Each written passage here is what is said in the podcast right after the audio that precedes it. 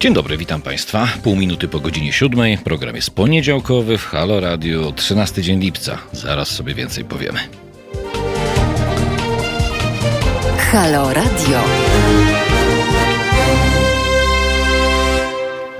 Jak to powiedział Patryk, który dzisiaj realizuje program, e, że nastroje w Polsce są takie 50-50, bym powiedział.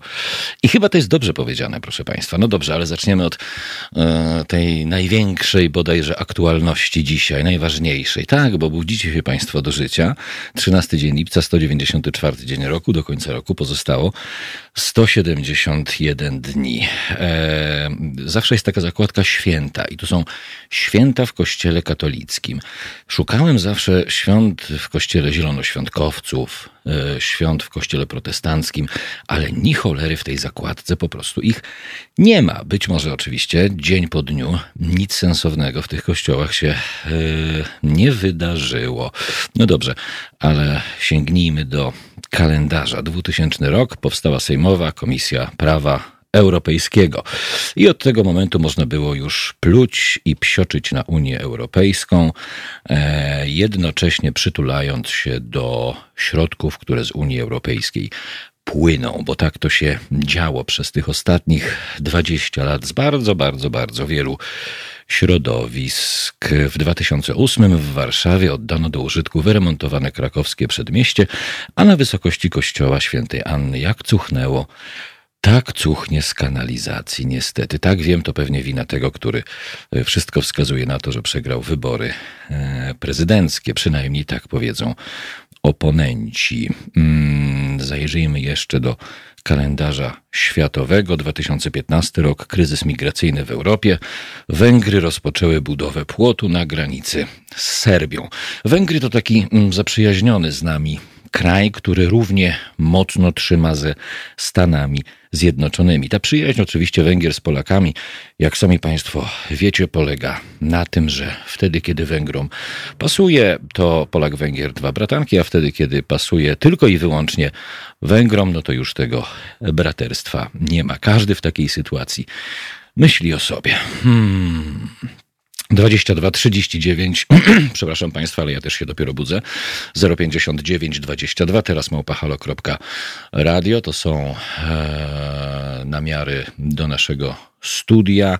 Ja oczywiście już podglądam naszego czata na YouTubie. Pan Ryszard pisze, i co mam napisać? Dzień dobry, a tak nie jest. O, ja wiedziałem, że tak będzie. No mogę Państwu tak szczerze powiedzieć, że wiedziałem, że tak będzie.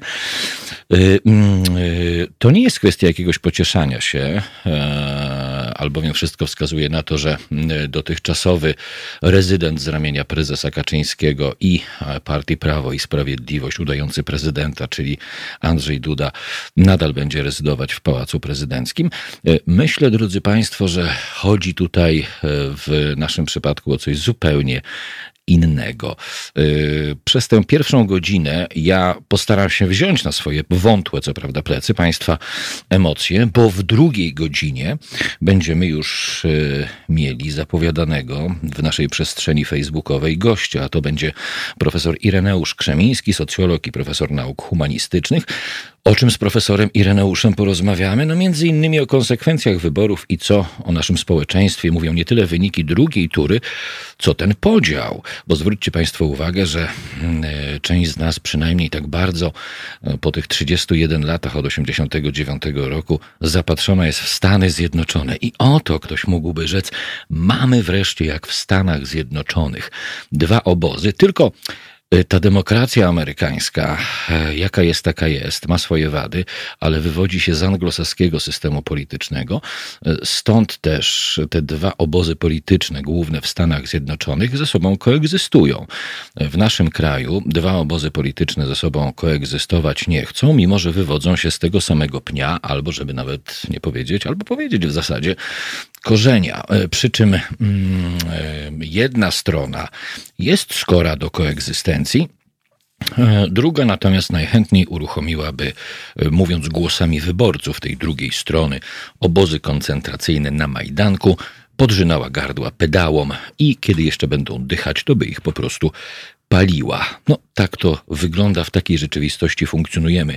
E, ja nie mogę sobie odmówić e, przynajmniej jednej rzeczy. Mimo, że godzina jest wczesna, mimo, że Państwo organizujecie właśnie otwieranie oczu, mycie zębów, jeśli jeszcze je macie, kawy i herbaty, e, proszę pamiętać, że to, co obserwowaliśmy chociażby przez ostatnie tygodnie w materii tej ostatniej kampanii wyborczej, bardzo brudnej, kampanii wyborczej. Dlaczego ostatniej? No bo e, od 2018 funkcjonujemy w permanentnym e, stanie kampanii wyborczej, jak nie tej to innej. To była ostatnia kampania i teraz już będzie bardzo spokojnie. Teraz Prawo i Sprawiedliwość będzie e, dopinać zamordystyczne państwo wzorem, no Węgier to nie, ale Rosji to z pewnością tak, w związku z czym nie macie się państwo póki co czym przejmować, bo i tak nie będąc społeczeństwem obywatelskim, a dopiero gdzieś budując podstawy społeczeństwa obywatelskiego, na wiele nie mamy wpływu.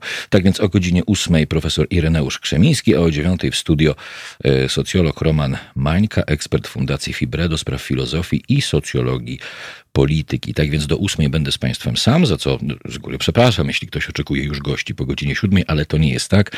E, halo Kawka, e, myślę, że mm, w Państwa domach jest, a jeśli jeszcze jej nie ma, to na naszej stronie halo.radio, w naszym sklepie internetowym można wspomóc Halo Radio e, i takową kawkę zakupić. A właśnie, proszę Państwa, co do brania Państwa emocji na moje plecy przez tę godzinę, e, to przyznam szczerze, że jestem na to absolutnie e, gotowy. Natomiast chciałbym, żebyśmy wszyscy mieli świadomość, że projekt Halo Radia no właśnie powstał, jest, funkcjonuje, rozwija się po to, żeby można było przez całą dobę, bo od 20 lipca będziemy nadawać na żywo na żywo od godziny 7 rano właściwie do pierwszej, e, to projekt Haloradia jest właśnie po to, żebyśmy wspólnie i razem mogli, mm, jak to zwykłem mówić czasami pisać, przeciwstawiać się po prostu złu. Dlaczego wspólnie i razem? No bo pojedynczo, proszę Państwa, to my możemy zrobić cokolwiek a nie coś. 22 39 059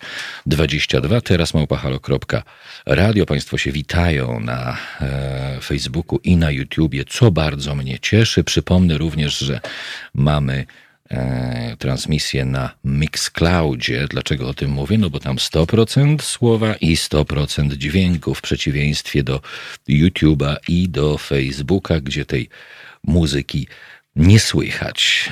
Tak więc zachęcam Państwa do wylewania z siebie może nie tyle e, tego lub innego e, żalu, co może własnych opinii. Zaczniemy od pana Kuby z Amsterdamu, który jest z nami 8,5 minuty po siódmej. Witaj, Kubo. Dzień dobry, Kuba. Cześć. No, dobry mimo wszystko. No pewnie, że dobry. E, no, no życie toczy się dalej. Dokładnie tak. Cóż, nie sądzę, że ktokolwiek myślący trzeźwo spodziewał się, że za po tym, jak z jakiej strony dała nam się poznać przez ostatnie cztery lata, pozwoli Trzaskowskiemu na wygranie tych wyborów. E, tym bardziej, że różnica jest tak nikła, że, że jakby e, możliwości e, machlojek są bardzo szerokie w tym momencie, zwłaszcza przy tych wszystkich wyborach czy też plebiscytach listownych. Słyszeliśmy, jakie tam sytuacje się zdarzały. Brak pieczątek, to samo nazwisko, etc., etc. Kuba, moje pytanie dla Ciebie. Co teraz? Co Twoim zdaniem e, zrobi rząd? Dostali e, kolejny jakby mandat e, swoich, swoich działań, obrośli w piórka, na pewno sadełko się zawiązało, siedzą teraz dumni, rechoczą się do siebie, jak to udało im się pedałów i wszystkich innych zmasakrować tymi wyborami. Co teraz będzie? Jak, co, co zrobi PiS, Kuba? Znaczy, ja odpowiem tak. Maćku, nie Maćku, tylko Kubo, przepraszam, ja odpowiem tak. przepraszam.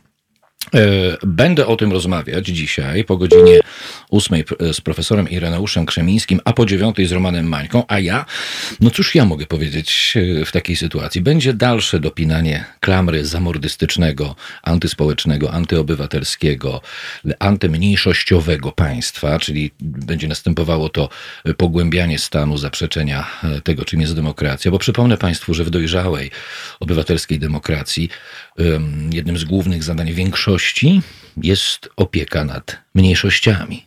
Partnerskie e, koegzystowanie, współdziałanie i z mniejszościami, i na rzecz y, mniejszości. E, myślę, że jeśli okaże się, a wszystko na to wskazuje, że na następne pięć lat w Pałacu Prezydenckim e, zamieszka posłaniec Jarosława mm. Kaczyńskiego i partii tak, władzy, to będzie dalsze maszynowe podpisywanie wszelkich ustaw, które na lewo i prawo będą grabić budżet państwa.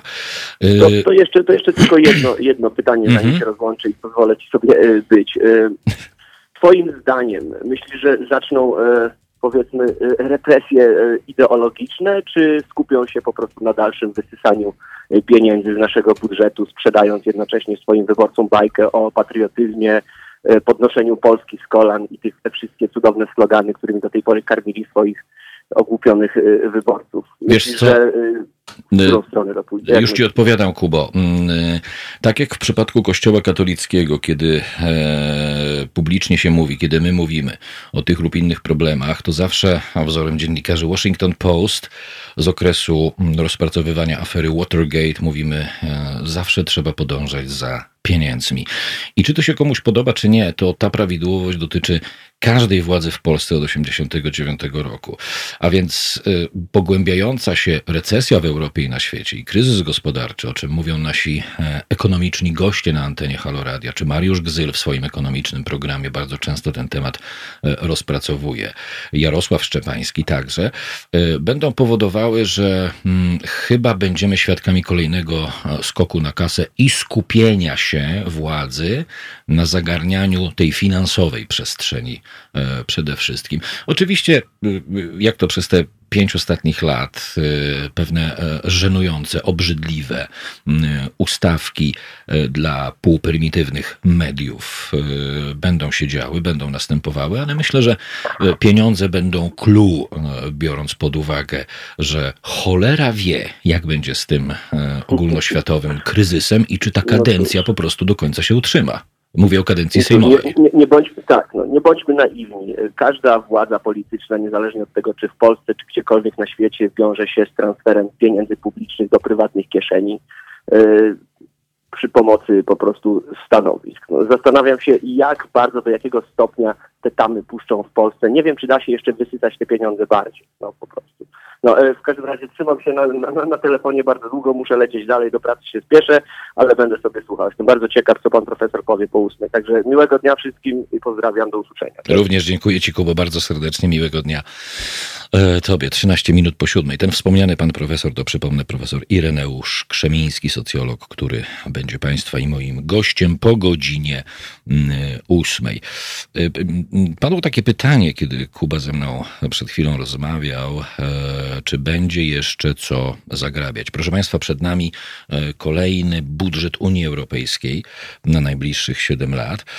Będzie to budżet, którym no, w miażdżącej większości będzie operowała ta administracja mm, i chyba przestaje mieć na tym etapie znaczenie, że oto może się okazać, że te o, młyny europejskie, które powoli, ale skutecznie mielą od pięciu lat sytuację w Polsce w bardzo wielu segmentach, Mm, tak ją przetrawią, jeśli młyny mogą trawić, proszę mi wybaczyć, że oto mm, okaże się, iż na przykład Polska nie dostanie albo całości, albo części tych zapowiadanych choćby dodatkowych pieniędzy na walkę e, z COVID-em, a to rzeczywiście może się stać. E, oznacza to tyle, że władza zbytnio się tym nie przejmie, bo to gigantyczne, ale jednak dodatkowe pieniądze.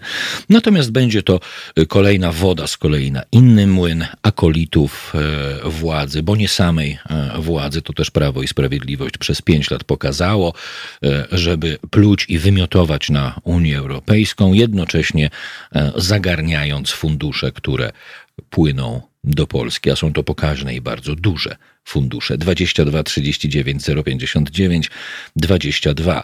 Pani Katarzyna jest z nami. Dzień dobry, pani Katarzyno. Dzień dobry Kubo, dzień dobry wszystkim. Jestem obserwatorem społecznym od momentu, kiedy ta funkcja powstała. Po pierwsze przepraszam za stan umysłu, czyli Radom. No niestety tu jaśnie nam panujący po prostu, nie wiem jak w większości, ale prawdopodobnie w większości miasta wygrał. E, ja miałam szybkie informacje z trzech e, komisji, ponieważ ja byłam w jednej i widziałam, ponieważ druga komisja skończyła wcześniej, więc Wyniki były mi znane, a mąż był w kolejnej. Piszecie Państwo bardzo często komentarze, że sfałszowane, że takie, że śmakie. Proszę Was, nie piszcie tak. Dokładnie tak. Idźcie, zaangażujcie się, bądźcie mężami zaufania, bądźcie obserwatorami i dopiero wtedy komentujcie.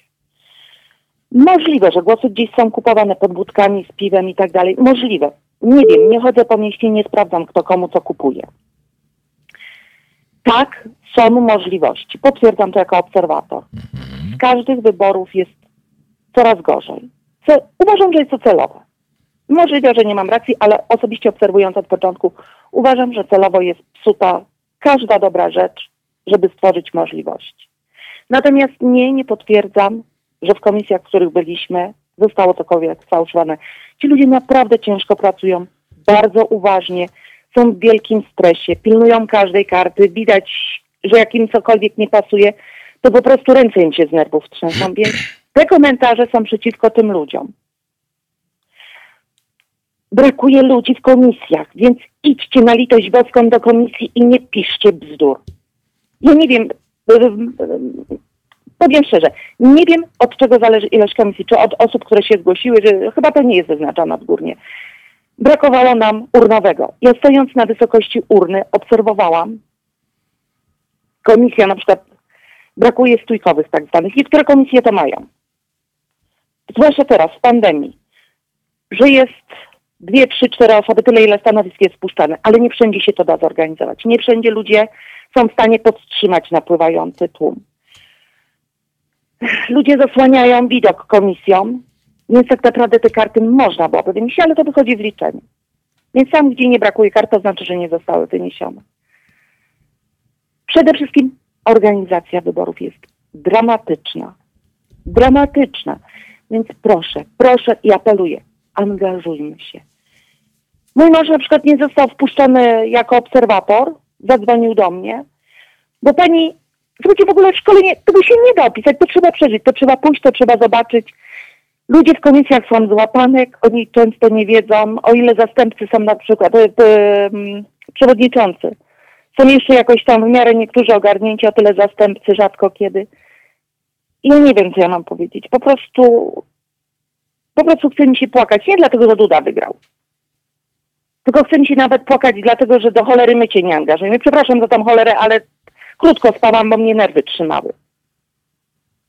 Przemyślcie to ludzie. Słuchamy Kuby. Tak naprawdę, jeszcze jedno zdanie i kończę. Tak naprawdę, jeżeli rzeczywiście wejdzie z powrotem do Pałacu Budyń, chyba nie będę żałowała. Poczekam na moment, kiedy któryś z gości kupy powiedział, że tak naprawdę to elektorat PiSu ruszy na nich. Będą mieli koza ofiarnego. I właściwie chyba tylko tyle. Dziękuję, życzę wszystkim miłego dnia. Pani Katarzyno, dziękujemy pięknie e, za ten no, głos rozsądku, nie da się tego ukryć.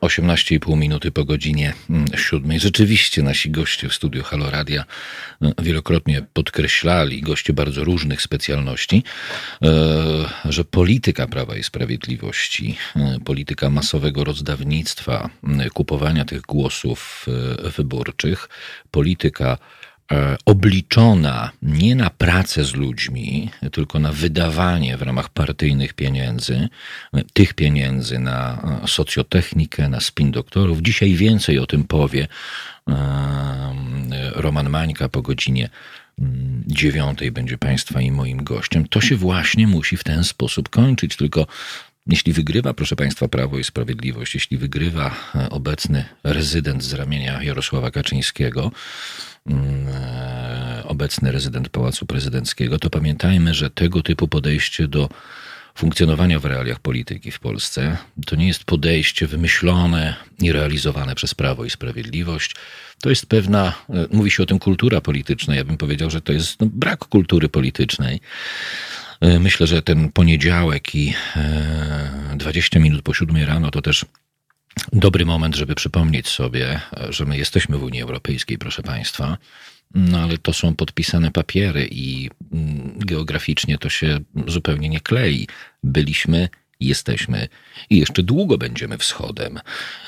I dlatego mam wrażenie, że mm, takie wyspy, jak nasi przyjaciele z Okopres, chociażby jak my, czyli Halo Radio, stanowią tym większą wartość im za oknami ciemniej pomimo wstającego dnia. E, pani Martyśka pisze, przecież o 10 mają być wyniki, jest jeszcze nadzieja. E, no, ja się odniosę do rzeczywistości i e, powiem tak.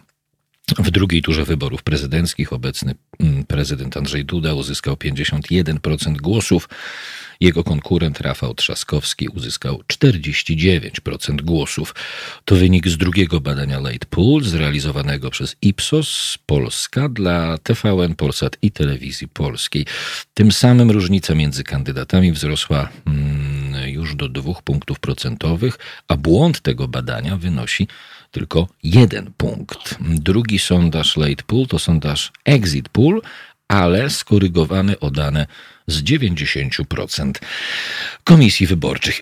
Inną sprawą, proszę Państwa, jest to, że e, my na naszym e, facebookowym fanpage'u o tym donosiliśmy w nocy, już grubo, grubo po północy, mm, PKW nie przedłużyło ciszy, nie przedłużyła ciszy e, wyborczej, mimo że e, kolejki do lokali wyborczych w dalszym ciągu stały poza granicami Polski. Oczywiście różnica jest tak mała pomiędzy kandydatami, że yy, nie dziwi mnie, iż pani Martyśka i inni piszą, że no mają nadzieję, że jednak Andrzej Duda przegrał. Jednak specyfika yy, sondażu Exit Poll i tego późniejszego Late Poll, do którego już spływają twarde dane z miażdżącej większości komisji e, pozostaje, proszę Państwa, e, no nieubłagana i nie będziemy absolutnie zaprzeczać faktom, bo nie o to tutaj e, chodzi. Tak więc póki co do oficjalnych wyników Państwowej Komisji Wyborczej funkcjonujemy w rzeczywistości, że Andrzej Duda wygrywa wybory, jest reelekcja, 51% głosów kontra Rafał Trzaskowski 49% głosów. A propos jeszcze tego głosowania po godzinie 21, kiedy to PKW powinna była przedłużyć ciszę wyborczą, to taką sytuację mieliśmy w Splicie, e, o czym donosiły tamtejsze lokalne gazety, które obliczały e, po godzinie 23 e, kolejkę na jakieś 5 do 6, a może nawet więcej godzin. Tymczasem ze strony Państwowej Komisji Wyborczej w Polsce no nie było absolutnie żadnej, najmniejszej reakcji. 22 39 059 22 teraz małpahalo.radio. Państwa komentarze na YouTubie, Facebooku i na Mixcloudzie. Przypomnę, że Mixcloud yy, to taki player internetowy, yy, mówiąc naszym językiem, gdzie yy, możecie Państwo odbierać nas wraz ze 100% treści słownych i 100% mm, treści muzycznych. To co, mamy telefon kolejny? Halo, dzień dobry, kogo witam? Pan Olgierd. Dzień dobry, panie Kubo. Olgierd z Warszawy. Słuchamy, panie Olgierdzie. E, panie Kubo, na początku następnie chciałem odnieść się do osób odpowiedzialnych za playlistę w Halo Radio i chciałem im bardzo serdecznie podziękować, że dzisiaj miałem przyjemność obudzić się wraz z Halo Radio z głosem Kasi Stankiewicz lub Anity Lipnickiej, że pierwszy raz usłyszałem mój ukochany zespół Various Manx to wielkie ukłony. To ja tylko, ja, tylko, ja tylko wejdę w słowo, to ukłony dla Martyny Wojciechowskiej, która między innymi szefuje całej muzyce w Halo Radio. Super, to, to dla pani Martyny. E, trochę się, że tak powiem, zasmuciłem, ale to sam spowodowałem tą sytuację, bo z jakichś niewyjaśnionych przyczyn byłem przekonany, że już pan redaktor Radosław Gruca będzie dzisiaj prowadził. To niemniej bardzo się cieszę, jak słyszę pana, pana redaktora. Odetchnąłem, bo myślałem, e... że pan się zasmucił i ja już mam wyjść po prostu, no ale dobrze, okej. Okay. w żadnym razie. W żadnym razie. E, trochę odwołując się do tego, co przedmówczyni pani Marta powiedziała, dla której również ogromne ukłony, jak i dla małżonka, że postanowiła być obserwatorami, czy tam obserwatorem, e, czy tam mężami, mężenimi e, zaufania żeby to tak powiedzieć. Powiem panu, bo ja wejdę słowo panie Olgierdzie, bo to jest ważna kwestia, e, jeśli chodzi o e, nazewnictwo. E, zasięgaliśmy opinii językoznawców jeśli chodzi o tego męża zaufania, czyli takiego prawego pana, to tutaj nie ma mowy o żonie, tylko powinna być według językoznawców dama zaufania, jeśli już. To tak tylko O. rzucam hasło. Tak, ale to Słusznie. też nie, też To nie wiedziałem o tym jeszcze. Też niedawno o tym Jak nie to wiedziałem. mówią na amerykańskich firmach, every day is a school day, więc ja bardzo chętnie zawsze Okej. powtarzam moją wiedzę. Ze swojej strony jeszcze do pani Marty, no ja byłem e, bardzo zażenowany, że jak wyglądały wybory w sensie organizacyjnym, że nic się nie zmieniło od pierwszej do drugiej tury, ale może sam powinienem coś z tym zrobić, nie wiem, krzyczeć przed komisją wyborczą i może to by coś zmieniło. No bo podam na przykładzie mojej komisji wyborczej. No, sytuacja tragikomiczna, ogromne kolejki, a w środku może wejść tylko 15 osób, a 5 stanowisk e, dostępnych. No akurat było tak, że często była sytuacja, że czeka 150 osób przed budynkiem, 15 osób w budynku, a tak naprawdę cztery stanowiska są wolne, no bo wszyscy czekamy, tak? A akurat złożyło się tak, że wszyscy spod jednego adresu, czy tam adresów podchodzili w Warszawie, tak?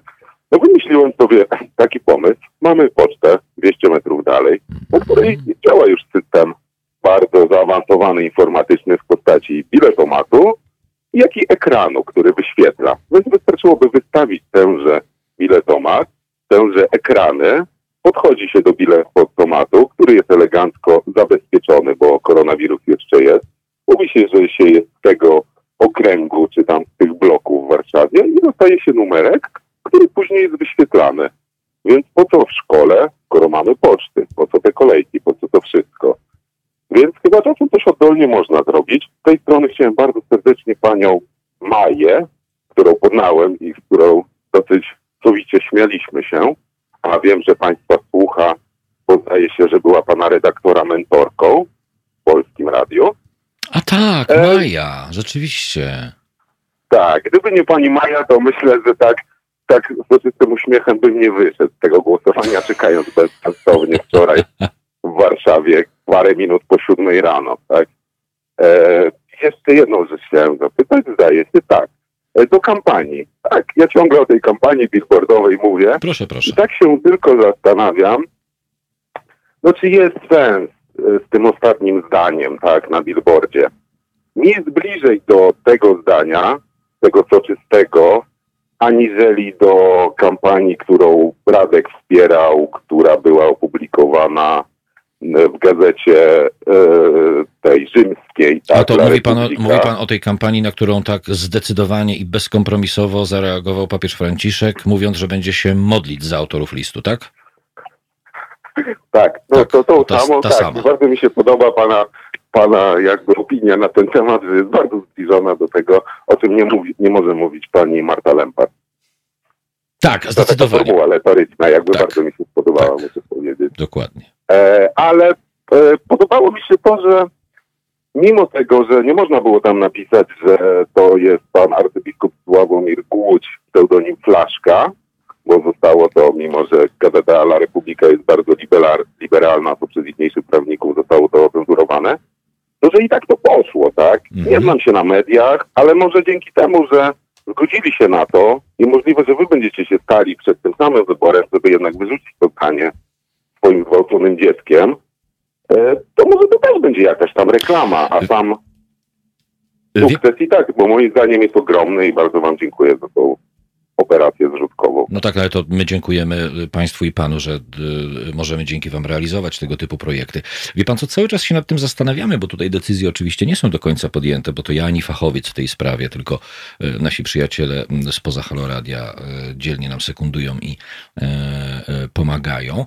Y, Zobaczymy, jak to będzie. No, gdybyśmy mieli na przykład, może nie wyrzucać to zdanie, tylko złagodzić na przykład Twoje przytulane dziecko, prawda, twoje no, dotykane dziecko na przykład mogło, e, mogłoby O, być, o, albo na przykład twoje dotykane dziecko konsekrowanymi dłońmi kapłana, które nie przenoszą koronawirusa. O, na przykład też. no fantastyczne. No nie, no to tak ja, można. ja w takim razie, jako że dzisiaj pierwszy dzień jestem na tańszej wersji Desmoxanu, to jak Bóg da i partia pozwoli, to za rok, za miesiąc będę już mniej palił, to jak coś takiego się znajdzie, to podwajam moją Dobrze, partię, to że a tak tu powiem. Ale w żadnym razie nie chcę lokupować, tylko odnoszę się do tego, co pan redaktor pisał na zasadzie na Patronajcie, że zrzutka trzy dyszki, paczka fajek, więc to tylko do tego. Nie chcę nic wymuszać, lobować. Tak. Jasne. Panie Olgierdzie, tak jak pan dotknął tematu desmoksanu, to y, które to już opakowanie, nie wiem, listek i jak panu idzie i od kiedy?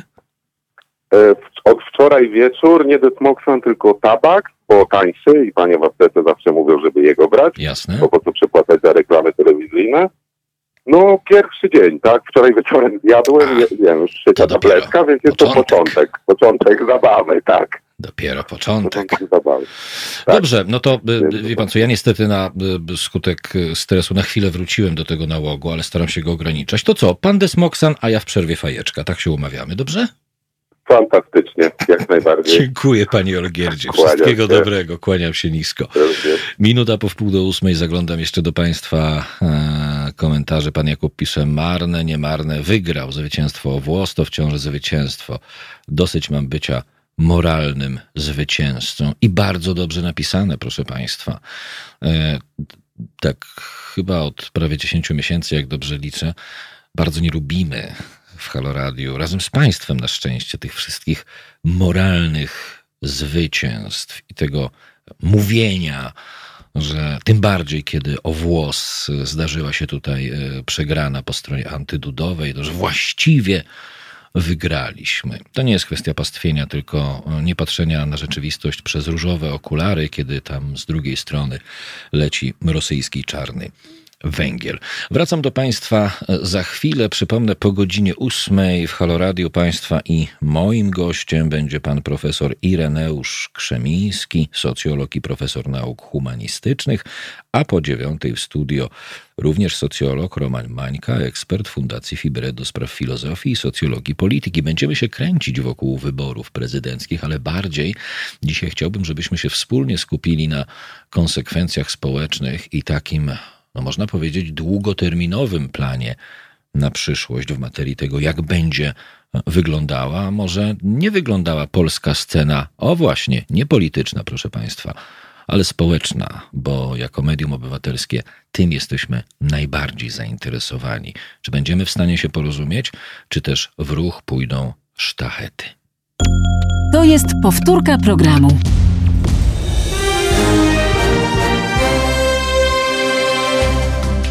Halo Radio. Pierwsze medium obywatelskie.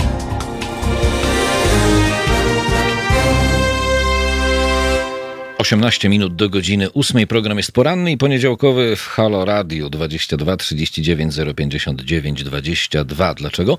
Ano dlatego, że jesteśmy e, Halo Radiem, pierwszym medium obywatelskim i też pierwszym radiem do gadania. No z kimże mamy gadać, jak nie z państwem. E, Pat Skorowic pisze, klapki z oczu niektórym spadną dopiero wtedy, gdy rzędolenie PiSu zacznie odbijać się niekorzystnie na ich portfelu.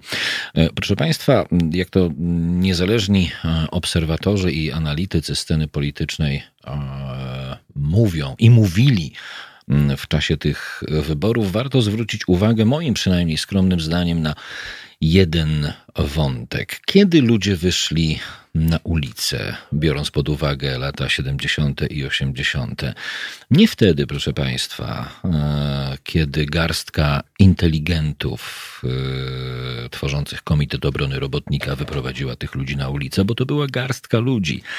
E, Tym motorem miażdżącą większością protestów ulicznych byli robotnicy, byli, y, jak to się ładnie nadal mówi, bo ja osobiście lubię to określenie, po prostu ludzie pracy, a powodem były podwyżki.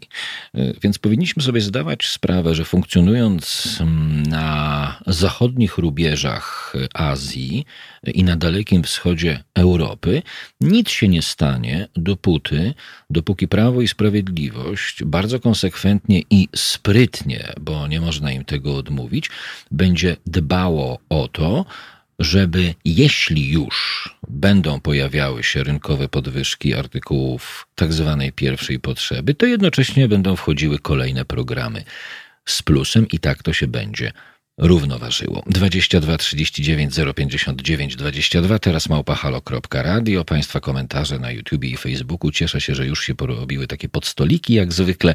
No i oczywiście nasza transmisja na Mixcloudzie 100% dźwięku i 100% obrazu. To odbieramy w takim razie kolejny telefon. Pan Roman z Kielc. Dzień dobry panie Romanie, słuchamy. Witam panie Kubo, witam wszystkich radiosłuchaczy. Panie Kubo, tak na początku chciałem sobie pozwolić troszeczkę takiej prywatnej, takiego prywatnego zdania i opinii. E, Popieram pana Zuzanie Parenia.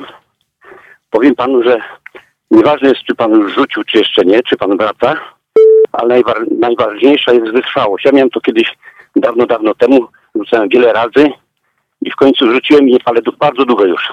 To tak a propos tej prywatnej sprawy. A teraz tak, wracając do wyborów. Oj, przepraszam, że jestem trochę zdyszany, ale tak chodzę po, po tak zwanym obejściu Nic troszkę nie się szkodzi. zdyszałem. Nic nie szkodzi. Yy, wracając do wyborów. Yy, znaczy do pseudowyborów, tak bym to nazwał, bo każdy student pierwszego roku prawa, gdyby dostał taką pracę, dostał opis sytuacji i, i opinię na temat tych wyborów, gdyby napisał, że to były wybory legalne i zgodne z prawem, z prawem nie zaliczyłby tego przedmiotu, jest taka, taki na pierwszym roku przedmiot podsta- yy, prawo konstytucyjne, to raz.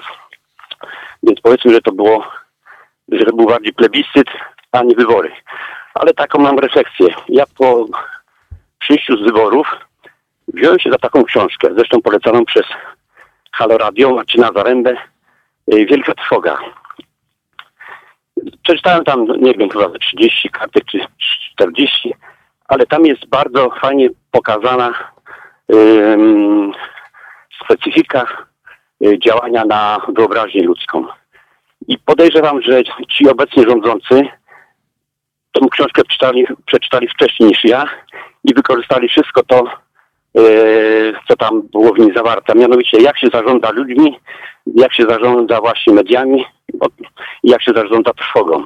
Więc y, ta szczujnia to było nic innego, tylko właśnie manipulacja na taką bardzo, bardzo dużą skalę. Także y, ja, ja bym się nie podniecał tam tym, tym liczeniem głosów, czy dwa w tą, czy, czy w tą, czy ktoś tam gdzieś oszukał, ale generalnie to, chodzi o to, że to było jedno wielkie oszustwo i granie emocjami tą trwogą. I tam byli wszyscy, i Żydzi, i LGBT, i, i uchodźcy, także to chodziło właśnie o to. I ci ludzie w tej swojej większości, może nie większości, w tej połowie dali się zmanipulować. I to jest cała filozofia tego. Ale jest taka jeszcze mm, pozytywniejsza sprawa.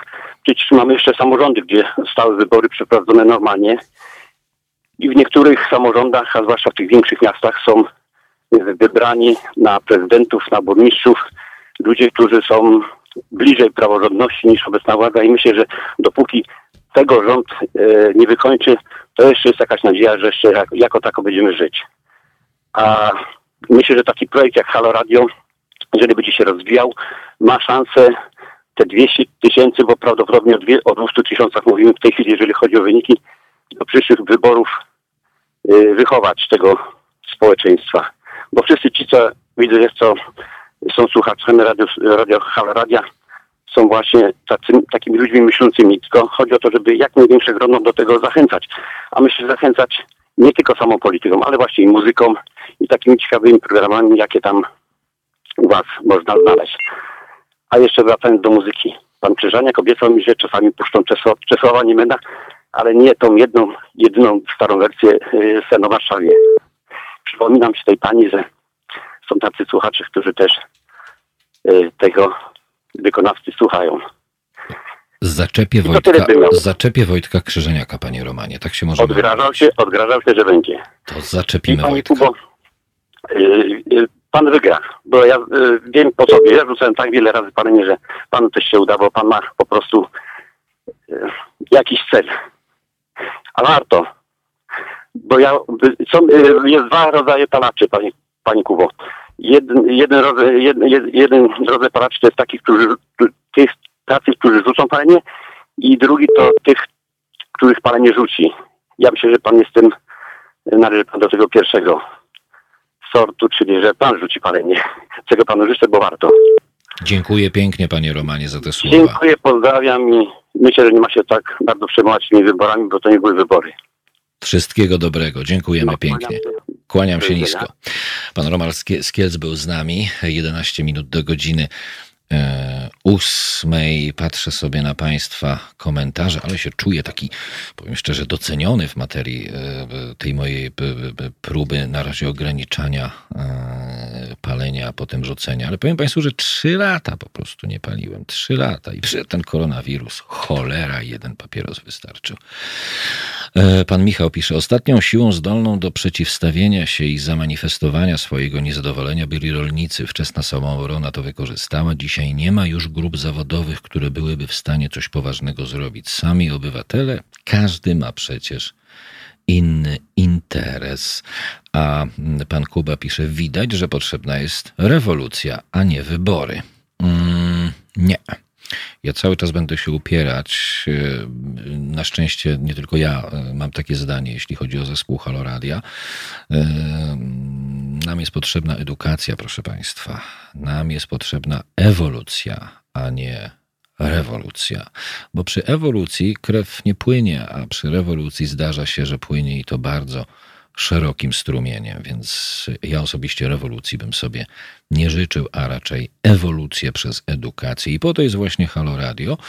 E, Mam taką nadzieję od prawie 10 miesięcy. E, No i ono jest tylko i wyłącznie dzięki Państwu, dlatego mm, niezmiennie zachęcam do stałego wspierania e, naszego obywatelskiego, społecznego trudu, a więcej szczegółów na ten temat można znaleźć na stronie halo.radio ukośnik SOS. Tam wszelkie możliwości wrzucania nam swoich złotówek E, i jak zwykle upraszam o e, stałe zlecenie, bo to nam pozwoli planować w dalszym niż bliższym horyzoncie naszą działalność.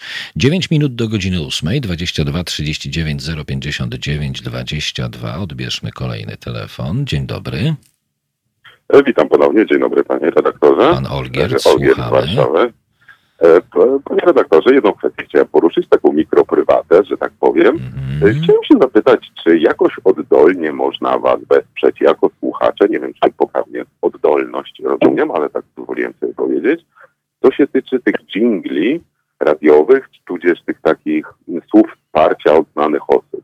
Czyli na przykład, jeżeli pracuję w kiosku ruchu, w którym ktoś znany pracu, e, kupuje gazety codziennie rano, to czy mógłbym go poprosić w imieniu słuchaczy Haloradia, żeby coś takiego powiedział, że słucha, wspiera i tak dalej i nazywa się tak i tak? I Jeśli- wysłać wam to na maila. I jeśli tak jest, drogi panie Romanie, to absolutnie tak. Jeśli ma pan taką możliwość, to telefony dzisiejsze dysponują oprogramowaniem, które pozwala to zrobić. Będziemy absolutnie wdzięczni. E, Olgierdzie, nie Romanie. Przepraszam, przepraszam panie Olgierdzie, proszę mi wybaczyć. się nie stało. Nie, no Czemu? luz blues. Czemu mi ten A Roman ze chodzi swojej strony nie znam, ale myślę, że mnie, jak i e, e, pana redaktora Grutę bardzo by ucieszył, jakby takie słowa wsparcia powiedział na przykład Wojtek Soku. To, to na tyle. A kwestia wyborów, to chciałbym się podzielić taką moją opinią jako wielkiego pana sportu walki i kibica. Kiedyś tam coś tam robiłem, ale to nieistotne. To ja rozumiem sytuację, w jakiej aktualnie się znaleźliśmy. Nie chciałbym odebrać nikomu nadziei, bo ona ubiera ostatnia, ale w UFC albo w boksie zawodowym sytuacja wygląda tak. Jeżeli jest się pretendentem do tytułu i walczy się o pas mistrzowski, to trzeba pokazać trochę więcej niż osoba, która jest czempionem. No niestety te wyniki są tak bliskie, że nie ma szans, żeby niestety wygrał pan Rafał Trzaskowski, bo nie pokazał tyle więcej. Polityka to nie sport zawodowy, tym bardziej boks czy mieszane sztuki walki MMA. I różne mogą być czynniki, dlaczego trzeba pokazać więcej, albo dlaczego coś może się zdarzyć i tym bardziej trzeba pokazać więcej.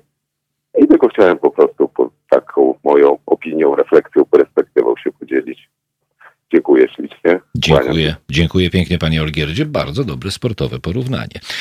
E, Pan Maciej pisze, jestem zaskoczony tak wysokim e, wynikiem Trzaskowskiego w obliczu tak niewyedukowanego i podatnego na manipulacje społeczeństwa. Mm, Nie jest to pocieszanie się, proszę państwa, tylko to są fakty, ale, zawsze jest jakieś ale, to ale bardzo ładnie e, mm, określił przed chwilą pan e, Olgierd. E, jeśli przyłożymy do kwestii drugiej tury wyborów mm, e, taką taką miarę sportową, to rzeczywiście trzeba pokazać więcej, chcąc odebrać palmę pierwszeństwa. Czy to jest tak, że Rafał Trzaskowski pokazał mało? Nie, proszę Państwa. Rafał Trzaskowski, e, między innymi poprzez kwestię wymiany kandydata, wykonał bardzo dużą pracę. No ale żeby wygrać, wychodzi na to, że trzeba było tę pracę wykonać jeszcze większą. Pan Marek pisze, może jest tak, że ta rewolucja jest konieczna właśnie po to, żeby w perspektywie czasu mogło dojść do ewolucji? Panie Marku, a jak pan sobie wyobraża taką rewolucję? E, bo mówiąc szczerze, moja wyobraźnia nie sięga tak daleko, e, żeby w jakikolwiek sposób odnosić się do wizji rewolucji w Polsce. E, Pat, pan Pat, ewolucja to na dekady, nie mamy tyle czasu, wcześniej wpadniemy w łapy Putina, a rewolucja to może być w przeciągu kilku najbliższych lat. Zobaczcie Państwo, jak, bo jesteśmy na wschodzie oczywiście, zobaczcie Państwo, o czym e, w swoim e, programie mm, mówi Mariusz Kowalczyk, specjalizując się w polityce wschodniej, jak te rewolucje kończą się mm, na naszych wschodnich z kolei E, rubieżach. Zobaczcie Państwo, sięgając pamięcią do pomarańczowej rewolucji, co z tego wszystkiego zostało? Absolutnie nic z tego nie zostało. Po pomarańczowej rewolucji i e, chwilowej ułudzie demokracji okazało się, że do władzy właśnie jeszcze silniej i jeszcze mocniej doszli e, stronnicy Putina. Pan Jarosław pisze, rewolucja medialna na przykład już jest e, w Haloradiu. Cieszę się bardzo, panie Jarosławie, bo mam nadzieję, że to nie jest jakieś drugie dno, tylko e, jest to rzeczywiście e, taki e, przyczynek in plus w naszą stronę. No niestety na dzień dzisiejszy najbardziej prawdopodobny wydaje mi się scenariusz, w którym ludzie prędzej czy później będą musieli wyjść na ulicę po kolejnych latach niszczenia państwa przez PiS. Ludzie nie wyjdą na ulicę dopóty, dopóki Najtańsza kiełbasa nie będzie kosztowała 30 zł. To tak ode mnie. A pan Kamil, ciekawe jak długo będzie to wszystko funkcjonowało, skoro pan Ziobro odgrażał się, że chce zrobić porządek z mediami. To mnie trochę przeraża. No, póki co jesteśmy, proszę Państwa, e, niezależni. Pytanie, jak długo będziemy utrzymywać tę niezależność, to jest w dużej mierze zależne od państwa. Na zegarach 4 minuty do godziny 8. O 8, proszę Państwa, konferencja mm, Państwowej Komisji Wyborczej. Ona będzie poświęcona wyborom prezydenta e, RP. Chodzi oczywiście o drugą turę. A po 8 połączymy się z profesorem Ireneuszem Krzemińskim, socjologiem. Porozmawiamy sobie o społecznych konsekwencjach e, już nie samych wyborów, ale tej polaryzacji, ktoś mógłby powiedzieć, na wzór amerykański prawie, która nam się zadziała przy okazji ostatnich wyborów prezydenckich. Słuchacie Halo Radia, program jest poniedziałkowy i poranny. Nie wiem jak za Państwa oknami, ale właśnie za naszymi tutaj w Warszawie na Marszałkowskiej zrobiło się naprawdę bardzo słonecznie. Tego samego życzę Państwu.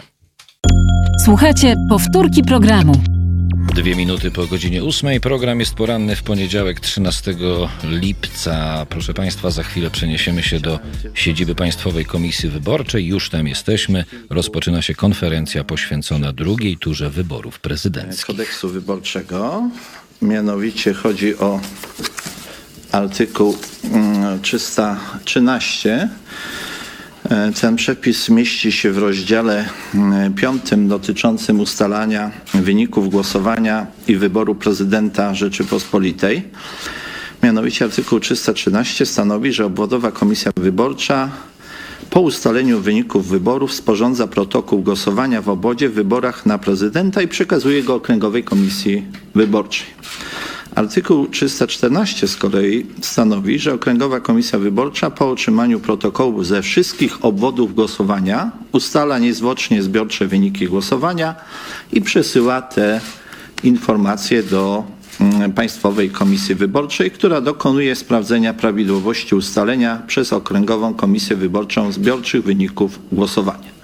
I tu od razu od taka informacja, że na godzinę mm, e, ósmą brakuje jeszcze nam pięć protokołów okręgowych komisji wyborczych.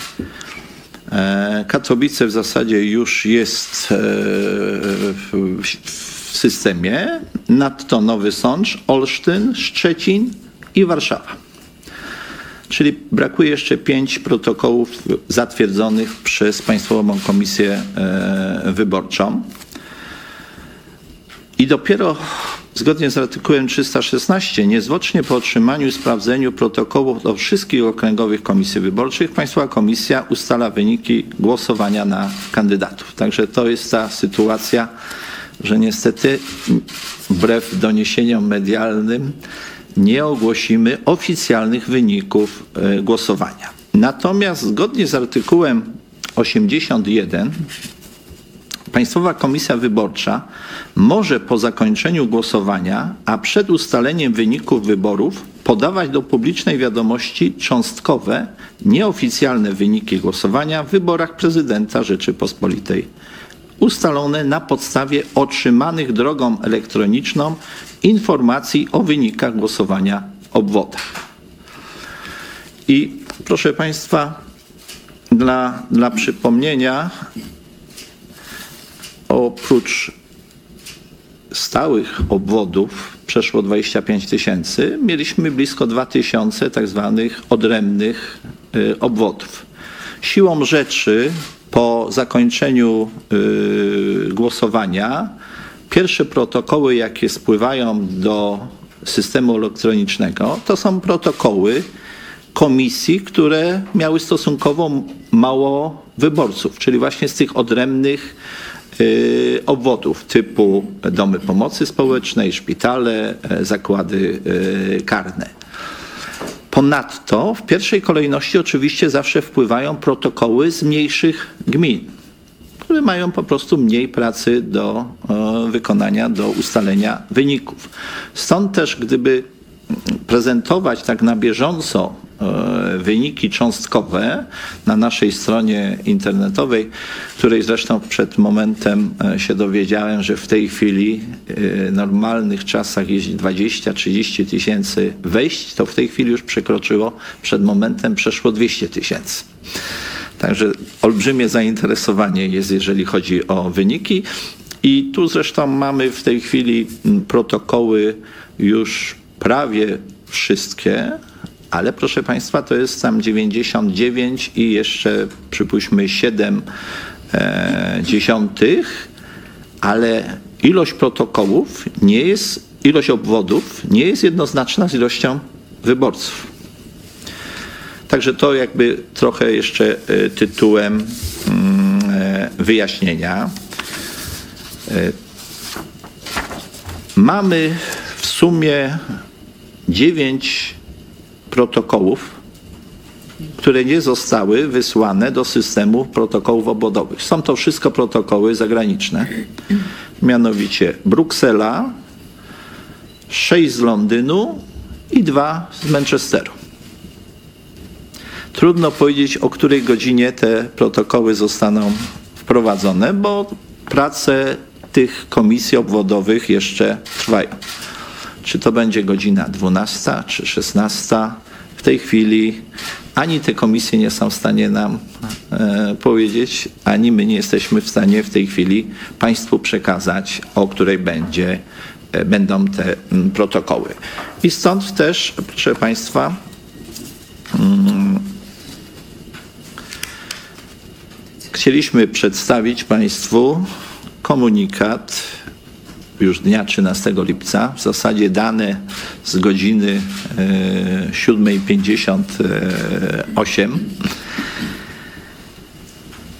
i podajemy Państwu informacje, tak jak artykuł 81 kodeksu wyborczego stanowi, informacje o cząstkowych, nieoficjalnych wynikach głosowania w wyborach prezydenta Rzeczypospolitej Polskiej i na podstawie otrzymanych informacji o wynikach głosowania w 27 222 obwodach głosowania z ogólnej liczby 27 231 obwodów, czyli brakuje te 9, o których wspominałem.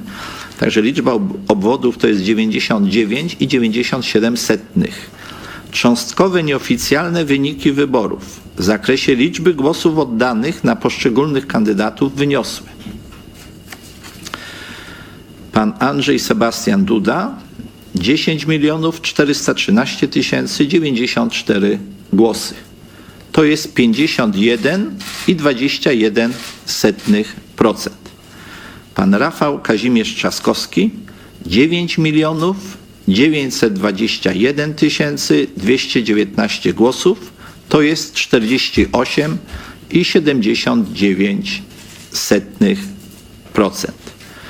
Warto podkreślić, że frekwencja wyborcza według tych danych, które otrzymaliśmy protokoły obwodowych komisji, które zostały wprowadzone do systemu elektronicznego, wynosi 68,12%. Tak, żeby ewentualnie jakichś tutaj złych y, emocji nie było, dlatego podajemy już te nieoficjalne dane przy braku jeszcze dziewięciu e, protokołów, które nie wpłynęły jeszcze i obawiam się, że. I a, właśnie, rzecz istotna, proszę Państwa. E, nawet biorąc pod uwagę stosunkową dużą ilość wyborców, którzy w Wielkiej Brytanii i Brukseli przekazali, mogli tylko głosować wyłącznie korespondencyjnie, to niewątpliwie ta ilość wyborców nie wpłynie na zmianę w sposób znaczący wyników. Bo to samo przejście, nawet jak w Manchesterze bodajże było w jednej komisji 22 tysiące, w drugiej mm, podobna liczba, w Londynie również, to nie są to takie liczby, które by spowodowały mm, e, zmianę wyniku i y, ustalenie większości e, głosów. I to w zasadzie chyba wszystko. Dziękuję panie przewodniczący. Czy mają państwo pytania? Małgorzata Zdremińska, TVN24. Mam kilka pytań. Czego spodziewa się Państwowa Komisja Wyborcza? Czy są jakieś sygnały o tym, że może być więcej protestów wyborczych były na przykład sygnały o zbyt późnym dostarczeniu pakietów wyborczych do głosowania za granicą. Wiadomo, że po pierwszej turze nie wróciło 40, chyba ponad 40 tysięcy takich pakietów, a wczoraj też było sporo sygnałów na temat złego ostemplowania kart. Czy można się spodziewać, że tych protestów będzie więcej? Czy są jakieś wytyczne dla Ministerstwa Spraw Zagranicznych też, bo y, o ile się nie mylę za granicą, protest trzeba zdaje się zgłosić osobiście, tak? Czy są już jakieś e, mm, wytyczne? E, proszę Państwa, jeżeli chodzi o mm, kwestie związane e, z dokładną ilością kart nieważnych, głosów nieważnych, ilością pakietów, które zostały, które wpłynęły do obwodów za granicą, to w tej chwili no nie jesteśmy, to są ciągle jeszcze nieoficjalne dane.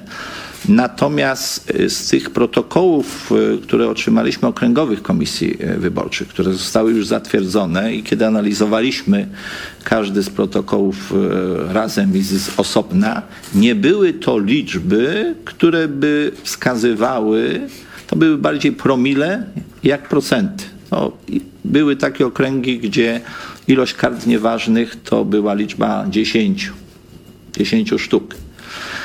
Jeżeli chodzi o y, głosy nieważne, to po prostu być może wyborcy uznali, że żaden z tych kandydatów im nie odpowiada i dlatego było bez skreśleń albo dwa znaki X. To oczywiście powoduje, że głos jest nieważny, ale to też nie były liczby y, no, przekraczające 1%. Y, Co prawda tak jak już wcześniej stwierdziłem, globalnie z wszystkich e, protokołów okręgowych komisji, to jeszcze musimy poczekać. Jeżeli chodzi natomiast o pakiety, które były dostarczane mm, wyborcom, to tak jak już po pierwszej turze zwracaliśmy uwagę, mimo no, znaczącego, to wielokrotnego, wielokrotnie większej ilości pakietów, które były wysłane e, do wyborców, chociażby w porównaniu do roku 2015. E, ale nawet po tej pierwszej turze to ilość pakietów, która jakby wróciła do obwodowych komisji, była większa jak poprzednio. Mam nadzieję, jeszcze trudno w tej chwili przesądzać, ale nie mamy jakichś takich danych, które by pozwalały e, w tej chwili już na stwierdzenie, że ten procent jest większy czy też e, mniejszy. Czy to chodzi w skali globalnej o 10 tysięcy e, pakietów, czy o 20.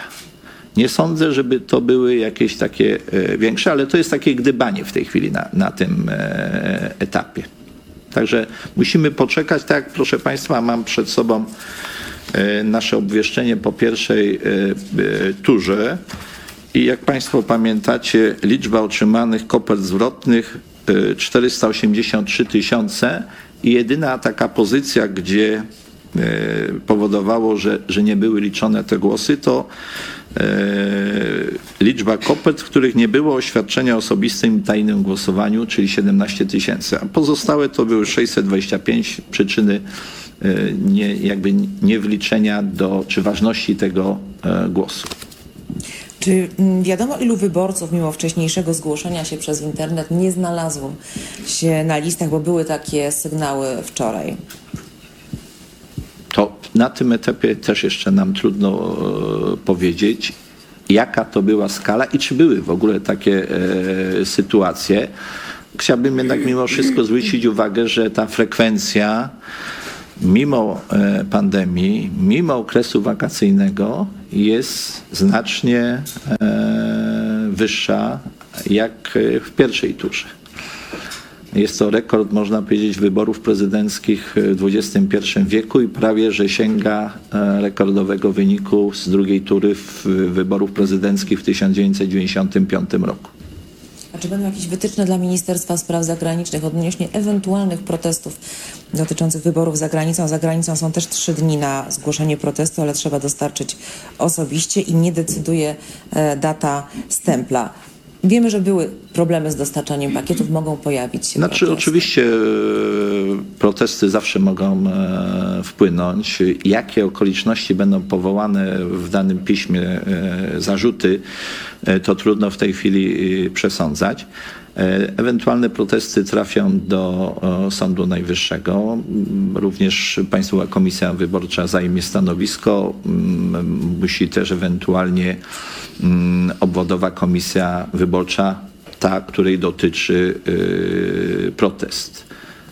W tej chwili to jest też przedwczesne. Sądzę, że jeżeli dzisiaj, być może wieczorem, najpóźniej jutro, bo to jest ten termin wynikający z ustawy szczególnej, że 48 godzin, a nie 24 musimy czekać na protokoły z zagranicy, to już wówczas będzie coś, można powiedzieć, bliższego, jaki, jaka jest skala ewentualnie mm, e, tych e, protestów ewentualnych. Jeszcze podpytam na o przygotowanie e, wyborów e, za granicą, bo wczoraj o 12, e, po 12 rozmawialiśmy, już wtedy wiadomo było, co się dzieje w Chorwacji, w Splicie, ten tłum, który stał w kolejce do późna, późna w nocy, a wcześniej już było wiadomo, że zainteresowanie tymi wyborami w konsulacie w Splicie było dziesięciokrotnie większe niż w pierwszej turze. Czy te, w takim razie te wybory nie dało się tego albo przewidzieć, albo inaczej przygotować lepiej?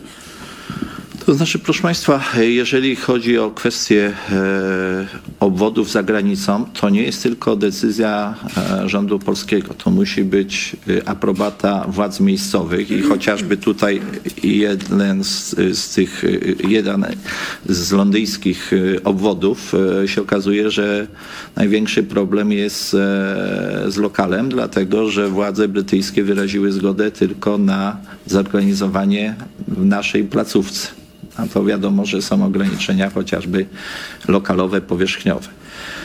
Mm, I y, one były utworzone przed pierwszą turą. Udało się jeszcze te dwa mm, obwody, y, Kuwait i Zjednoczone Emiraty y, Arabskie. Natomiast jest też taka prawda, że przed zgłoszeniem się wyborców, którzy chcą oddać głos korespondencyjnie, to jeszcze nie wiadomo, ile takich zgłoszeń e, wpłynie.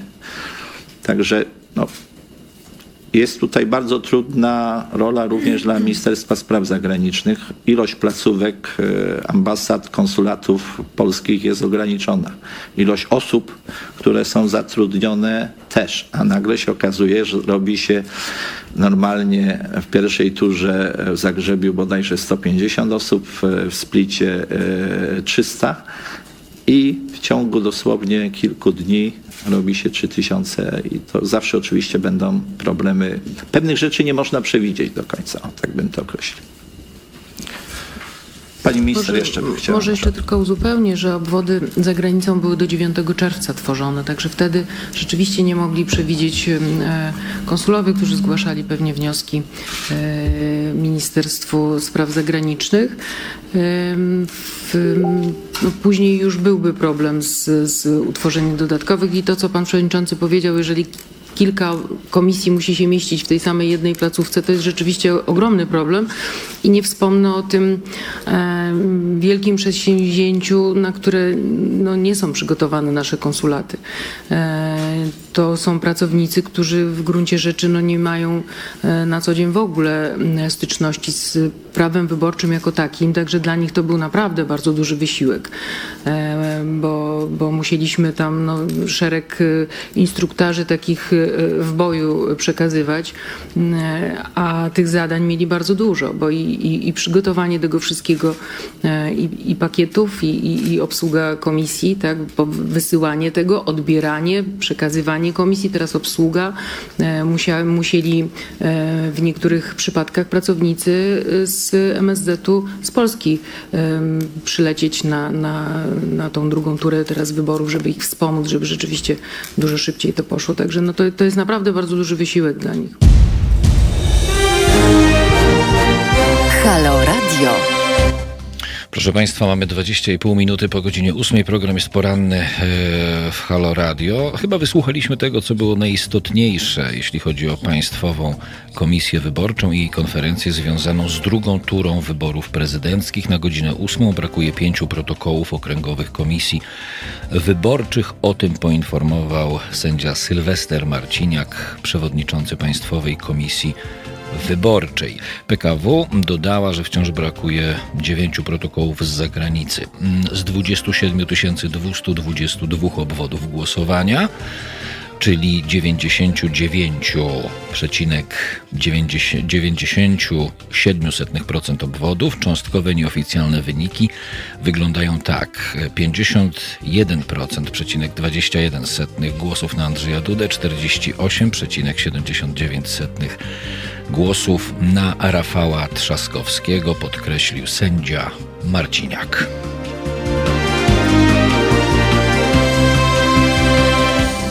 A teraz zgodnie z zapowiedzią, chociaż jednak trochę opóźniając z powodu mm, konferencji Państwowej Komisji Wyborczej, łączymy się z panem profesorem Ireneuszem Krzemińskim, socjologiem i profesorem nauk humanistycznych. Dzień dobry, panie profesorze.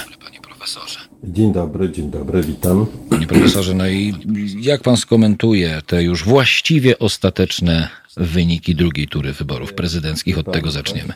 Zastanawiam się, czy rzeczywiście są one ostateczne, dlatego że bardzo dobrze zapamiętałem, że te 0,3% komisji obwodowych to nie jest 0,3 mieszkańców y, obywateli polskich głosujących, a mamy z tych pięciu chyba tych y, komisji, których są niepoliczone, mamy Warszawę, Olsztyn oraz Szczecin. E, tam te dwa, dwie miejscowości mi umknęły, ale to są na pewno największe. I jak mogę sobie wyobrazić, to są raczej te trzy, które wymieniłem, będą to miejscowości, które będą, gdzie będziemy mieli raczej przewagę głosów na Trzaskowskiego, więc tak naprawdę do końca jeszcze, powiedziałbym, nie wiemy na pewno, że Andrzej Duda zwyciężył. Jeżeli zwyciężył, to jestem bardzo ponurym nastroju, e, ponieważ okazało się, że jednak większość głosujących Polaków nie widzi tego zagrożenia, które oznacza ten wybór. Zagrożenia dla podstawowych, ustrojowych urządzeń Polski. I to jest bardzo ponure, zwłaszcza, że no, ja oglądam teraz e, telewizję, rozmawiając z Wami, i tutaj ciągle się powtarza na pasku oświadczenie prezydenta Dudy, że on nie żałuje żadnych słów, które powiedział w kampanii, bo mówił to, co myśli. E, I to jest jeszcze bardziej ponure, ponieważ ta kampania z jego strony zawierała niezwykle agresywne e, no, i niezwykle zagrażające dla bardzo wielu milionów ludzi oświadczenia, na przykład dla społeczności LGBT, ale nie tylko, dlatego że były tam oświadczenia dotyczące e, na przykład możliwych zmian prawa aborcyjnego, e, raczej w kierunku jego zaostrzenia, a jest ono jedno z najostrzejszych w Europie w tej chwili. Więc nie jest to zbyt przyjemne dla mnie, zbyt przyjemny poranek, ale o, mamy Nowy Sącz, Katowice są prowadzone, mamy Olsztyn, Szczecin, Warszawa, no to są jednak bardzo istotne, bardzo istotne liczby, bo wydaje mi się, że w Warszawie tych wyborców jest bardzo dużo. Szczecin jest też bardzo dużym miastem, w Olsztynie nieco mniej.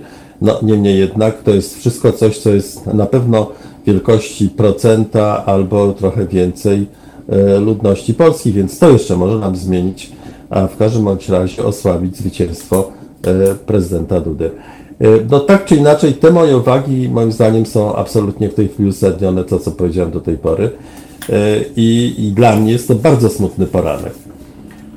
A jakie jeszcze niebezpieczeństwa bym z tym widział? No, że to właściwie, dlaczego te wybory były tak ważne i dlaczego ta kampania e, Rafała Trzaskowskiego, która jednak prawie wyrównała ten wynik, e, była tak istotna, dlatego że prezydent, wbrew zresztą temu, co głosiły e, jeszcze w pierwszej turze różne osoby kandydujące, tak naprawdę nie ma takich możliwości, nawet powiedziałbym w jednej dziesiątej w porównaniu z tym, co tam obiecano. E, no ale Duda ma szczególną pozycję, bo jest reprezentantem rządzącego w tej chwili ugrupowania. E, jak wiadomo, przez poprzednie 4 lata był taką marionetką w rękach tego grupowania, poza krótkimi wyjątkami, kiedy usiłował walczyć o swoją większą pozycję, żeby nie zostać przysłowiowym Adrianem całkowicie już. Prawda? Więc to jest bardzo dla mnie niepokojące i niebezpieczne dla Polski w tej chwili. Bo nie będzie, nie będzie żadnej zapory przeciwko temu niezwykle konsekwentnie, niezwykle konsekwentnie prowadzonemu zamysłowi Jarosława Kaczyńskiego o zbudowanie monopartyjnego systemu e, monopartyjnego systemu politycznego w Polsce. Panie profesorze, spogląda Pan na naszą scenę polityczną, ale ja bym bardziej skupił się na stronie społeczne, jeśli mogę tak e, powiedzieć. Zaczął Pan od tego swoją wypowiedź, że mm, okazało się, że większość wyborców nie widzi. E, czym jest Pana zdaniem spowodowana ta ślepota i kiedy Pana zdaniem, bo mnie to bardziej interesuje, jak mam być szczery, pojawiły się pierwsze, nazwijmy to sobie, symptomy problemów ze wzrokiem? to bardzo, wie pan co, to jest wzrok umysłowy. Powiedziałbym, Oczywiście. że to są takie deficyty poznawcze, ogromne, e, naukowo mówiąc, naukowym językiem powiedzieć, są takie deficyty poznawcze polskiego społeczeństwa. E, to, że czytelnictwo w Polsce jest na poziomie dramatycznym, to już wiemy od dawna, ale od dawna, niedawno przeglądałem takie badania, e, zresztą Ośrodka Badań Publicznych, centrum publicznego i właściwie okazało się, y, takie porównujące Polskę i Niemcy, taki barometr polsko-niemiecki, okazało się, że y, czytelników gazet w tej chwili w Polsce, którzy, dla których informacje z gazet są istotne, jest po prostu jedna trzecia, czy tam jedna czwarta tego, co jest na porządku dziennym w Niemczech. Czyli właściwie przestaliśmy czytać gazety. No, być może tam jakieś cząstkowe dane w tym internecie się czyta, ale na pewno niewiele. Więc to jest pierwsza rzecz. Po drugie, od pięciu lat nie mamy mediów publicznych. To jest bardzo ważna informacja. E, ja w tej chwili nie jestem w stanie, bo nie sprawdzałem tego w najbliższych, w ostatnich, w ostatnich latach, ale na początku rządów PiSu sprawdzałem to w 2016 roku, że ponad 11 milionów ludzi korzysta E, z telewizji z wietrza, jak ja to mówię, prawda? E, I tam na tej platformie są trzy wielkie e, stacje polskie, TVP, jest jeden Polsat, który w tej chwili gra taką rolę, powiedziałbym, coś między TVP a TVN. TVN bez TV24. No w tej chwili i tak trochę było, bo tam w pewnym zakresie Stefan 24 jest transmitowany przez TVN, ale to niewielki odsetek. Wobec tego ludzie są bombardowani, e, mówiąc szczerze, bombardowani wiadomościami, które e, płyną z telewizji e, do tego właściwie samo. No, to jest właściwie pierwsza rzecz. Po drugie, od samego początku, niezwykle konsekwentnie, właśnie te media publiczne oraz, oraz wszyscy, wszyscy działacze PiSu zbudowali taki, powiedziałbym, no, niezwykle negatywny obraz przeszłości i rządów PO. Ten obraz jest moim zdaniem całkowicie nieprawdziwy. Nie chcę powiedzieć, że PO było taką i te rządy, zwłaszcza drugiej kadencji Donalda Tuska, były takie wspaniałe, nic podobnego. Ale to, co się zarzuca temu rządowi, jak się zbudowało na bazie emocji, które negatywnych wobec PO, jest właściwie takim czarnym obrazem. I ten czarny obraz jest tutaj niezwykle powszechnie przyjmowany. Y, gdzie jeżeli byśmy porównali na przykład stopień korupcji, takiej rządowej powiedziałbym korupcji, takiej administracyjnej korupcji PiSu i PO, to moim zdaniem y, nie ma na mierzy wątpliwości, kto tutaj jest górą. Raczej ci, którzy w tej chwili są przy władzy. Y, to ja nie mam żadnych miar, które mógłbym to porównać, ale mam na przykład takie zestawienie jednego z ludzi, taki zespół z dwóch czy trzech osobników w Kanadzie zresztą, na podstawie wiadomości prasowych zrobił takie zestawienie e, różnych e, tutaj machinacji finansowych e, ludzi PiSu, no i wychodzi z tego jakiś dosyć dramatyczny obraz. No, nie jest to obraz do końca sprawdzony, więc nie będę go tutaj przytaczał. I jeszcze jedna rzecz, która wydaje mi się niezwykle ważna, mianowicie jaka była podstawa emocjonalna na tego rodzaju zabiegi? Otóż to, co całkowicie, całkowicie zostało przez rząd Tuska zlekceważone, a sygnały tego e, były dosyć wyraźne. E, to jest e, wielkie niezadowolenie i wielka frustracja płynąca z niespełnionych aspiracji ludzi. I te aspiracje przede wszystkim skupiały się na tym, że Polska się niesłychanie zmieniła. Uważam, że między rokiem 2010 a 2015 y, mieliśmy zupełnie nową Polskę. Taką Polskę, która stała się właściwie y, nierozróżnialna specjalnie od y, przeciętnego kraju zachodniej Europy.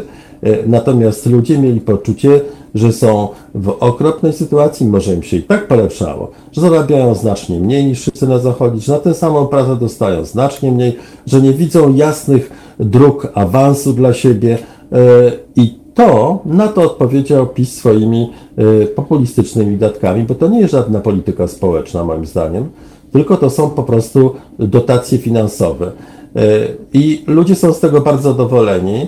Y, Polacy, Polacy przyjmowali te dotacje oczywiście z wielkim zadowoleniem, chociaż one są niesprawiedliwe. 500 plus moim zdaniem jest bardzo niesprawiedliwym rozwiązaniem społecznym, bo dlaczego te 2 czy 3 miliony, około 3 milionów rodzin, które były w naprawdę fatalnej sytuacji, mimo ciężkiej pracy tam, y, prawda, swojej i zarobków, które otrzymywali, y, byli na po prostu, no, w biedzie, mówiąc szczerze, prawda? Starczało im na życie, ale od pierwszego do pierwszego, z trudnościami wielkimi.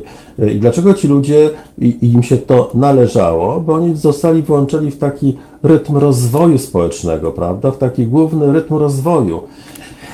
Y, natomiast ci, którzy zarabiają po 5, po 10 tysięcy na miesiąc, też dostawali te 500 plus. Oczywiście robią z tego użytek. Miejmy nadzieję, że dobry użytek nie tylko egoistycznie, że to jakoś będzie się społecznie opłacało. No niemniej, jak to jest niesprawiedliwe rozwiązanie.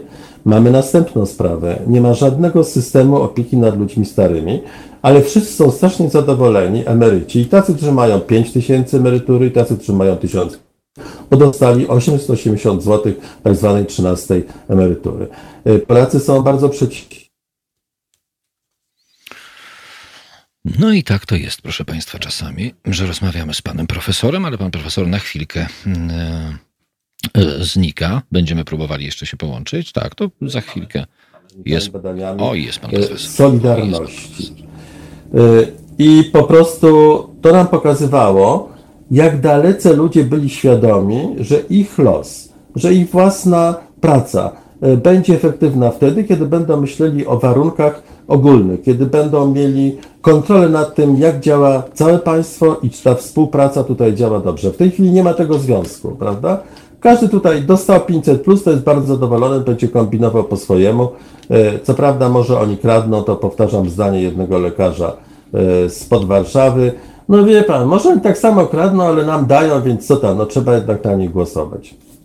Panie profesorze, mm, jakie Pana zdaniem będą społeczne konsekwencje w perspektywie e, najbliższych lat, czyli e, całej kadencji Andrzeja Dudy i podczas tej kadencji dociągnięcia do konstytucyjnego terminu wyborów pisowskiej większości?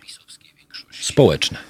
No, wie pan, wie pan, są, e, nie, nie jestem w stanie tego do końca określić, bo być może Andrzej Duda po tej wygranej będzie w stanie postawić się na przykład Jarosławowi Kaczyńskiemu w różnych kwestiach. Tego nie mogę wykluczyć, ponieważ on jako człowiek, jako osoba na tym stanowisku nabrał w tej chwili znacznie, znacznie większej mocy niż miał do tej pory.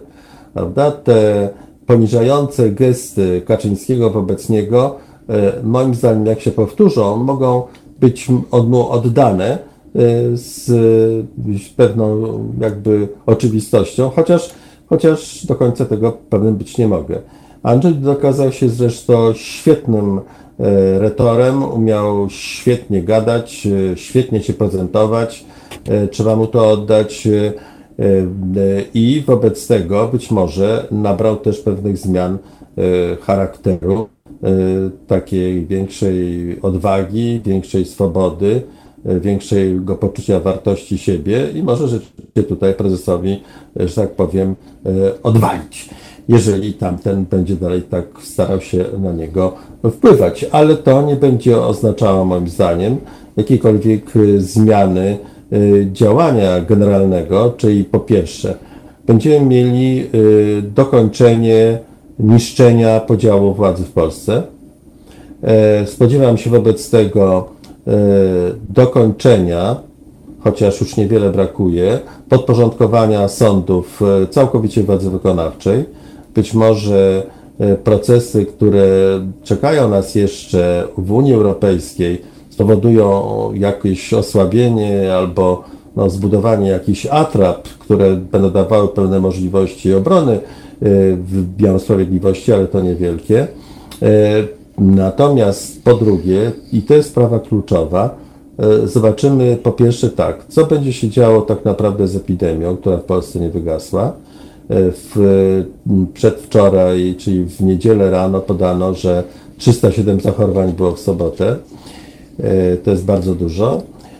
No i to będzie też bardzo ważna kwestia. I po trzecie, to jest kwestia gospodarcza. Oczywiście wszystkie te przewidywania, że E, cały ten populistyczne, całe to populistyczne e, dawki e, społecznego, społecznych, społecznego rozdawnictwa zakłócą gospodarkę, okazały się do tej pory jeszcze nie dające, się, nie, nie dające skutków, ale wydaje mi się, że to w tej chwili jesteśmy na granicy już tego.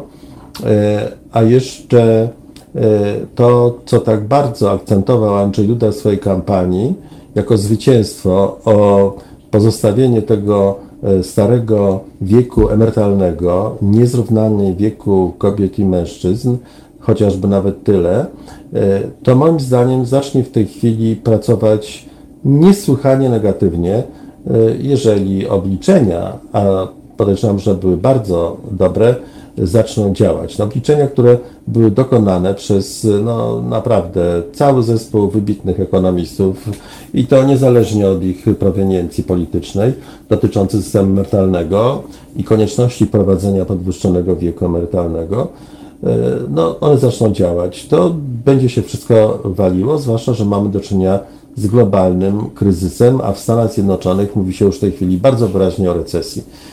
To tak łatwo nie da się wyjść z tego załamania spowodowanego pandemią i będzie mogło to mieć no, bardzo istotne konsekwencje, a w Polsce w dalszym ciągu, w ciągu tych minionych pięciu lat właściwie inwestycje były na bardzo niskim, jeżeli nie zerowym poziomie. To da bardzo negatywne efekty i to moim zdaniem będzie bardzo silnie działało na wyborców. Panie profesorze, to jeszcze mm, jedno pytanie pozostaje mi gdzieś w głowie, ale z tego co wiem, pan profesor nas nie słyszy w tej chwili. Na tym polega właśnie, proszę Państwa, kwestia internego, internetowego nadawania i my do tego jesteśmy przyzwyczajeni. Technologia ma swoje ograniczenia i jest Pan profesor. Panie profesorze, czy słyszymy się? Tak, no już z powrotem, bo nie wiem, coś mi tu się... Już jest ok. Panie, Panie profesorze, nic nie szkodzi. To ani Pana, ani nasza wina. Jeszcze jedno pytanie, profesorze. A co z nami, dwa narody w granicach Rzeczpospolitej, jednej? Wie pan, nie wiem, to będzie bardzo ciężkie, dlatego że jeszcze nie powiedziałam o jednej rzeczy. Mianowicie nie wydaje mi się, żeby ten sukces był tak możliwy bez wsparcia, bez wsparcia Kościoła. Kościół legitymizuje po prostu najgorsze rozwiązania, rozwiązania PiSu. Kościół właściwie legitymizuje pozbawianie, pozbawienie Polaków demokracji. I to jest właściwie coś, co też należy do tego deficytu poznawczego, moim zdaniem, który w pewnym momencie musi się zmienić. Że większość ludzi musi nagle zobaczyć, że to jednak jest coś, co jest, będzie zamachem na demokrację. To jest oczywiście bardzo specyficzny rodzaj zamachu, z którym mamy do czynienia w Polsce, tak samo jak na Węgrzech, tak jak u Erdoana w Turcji, gdzie w tej chwili ten proces jest już galopuje prawda, bo już nowa ustawa o adwokaturze została prowadzona, coś na wzór takiej, e, powiedziałbym, trochę polepszonej, e, czyli pogłębionej, e, takiej, która u nas obowiązywała za komunizmu. No więc tutaj widać, jak za metodami demokratycznymi, przy kontroli medialnej i przy takim narodowo-katolickim wzbudzeniu dokonuje się zamachu na zamachu na ustrój i na podstawowe prawa obywatelskie. Profesorze, a to nie jest tak, że dopóty, dopóki Kościół będzie mm, zasilany pieniędzmi z budżetu, bo tych kanałów jest y, budowanych zresztą przez 30 jeden lat, y, kilkaset przynajmniej takich mocnych. My to wyliczyliśmy mm, swego czasu z zaproszoną grupą niezależnych ekonomistów, że to prawie 20 miliardów złotych rocznie. Czy nie jest tak, że dopóty, dopóki e, Kościół będzie mm, doposażany tymi pieniędzmi, to jego pozycja w polskiej przestrzeni publicznej się mm, nie zmieni? Bo przecież no, wszystko sprowadza się do pieniędzy. Ja zawsze mówię, jak w aferze Watergate, jak tracili trop, to głębokie gardło powiedziało: idźcie za pieniędzmi. No i poszli, no i doszli do celu.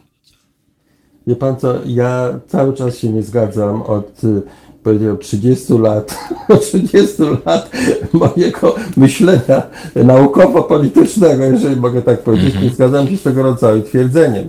Bo oczywiście jak podałem te swoje przyczyny, te, próbowałem zbudować tę skomplikowaną dosyć, może za długą jak na radio, diagnozę sytuacji, nie. to jednocześnie nie zwróciłem uwagi na jeszcze jedno że te e, datki społeczne na pewno by tak znowu nie działały, gdybyśmy nie mieli jeszcze jednego, e, jednego elementu, który zbudował niezwykle konsekwentnie Kaczyński budował od 2010 roku i od katastrofy smoleńskiej, mianowicie zbudował taką wspólnotę prawdziwych Polaków, właśnie taką wspólnotę narodowo-katolicką.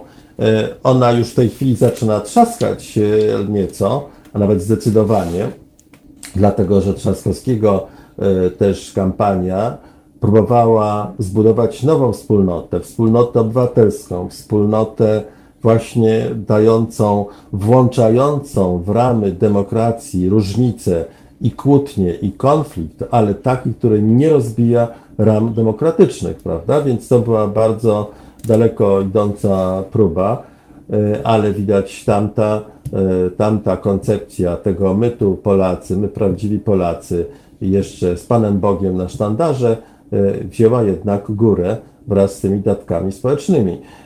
I to jest niezwykle ważna sprawa, ale on zaczyna pękać. Zaczyna pękać, no tylko że wybór Dudy to znowu będzie dość silny bodziec, żeby powstrzymać sprawę pedofilii w kościele, żeby powstrzymać właśnie te manipulacje, te manipulacje finansowe, bo ja nie sądzę, żeby siła Kościoła płynęła z finansów. To siła poparcia dla PiSu płynie z tych, tych, tych raczej finansów, prawda? No, ale, 2000, tak ale 2000 lat Kościoła jasno pokazują w bardzo wielu krajach, w których odsetek wierzących jest wyższy niż średni, że te pieniądze stanowią fundament jego funkcjonowania, profesorze. Tak, ale pan z drugiej strony przypominam, że e, ja ciągle to chcę o tym mówić, że jednak e, Kościół w Polsce miał ogromne zasługi.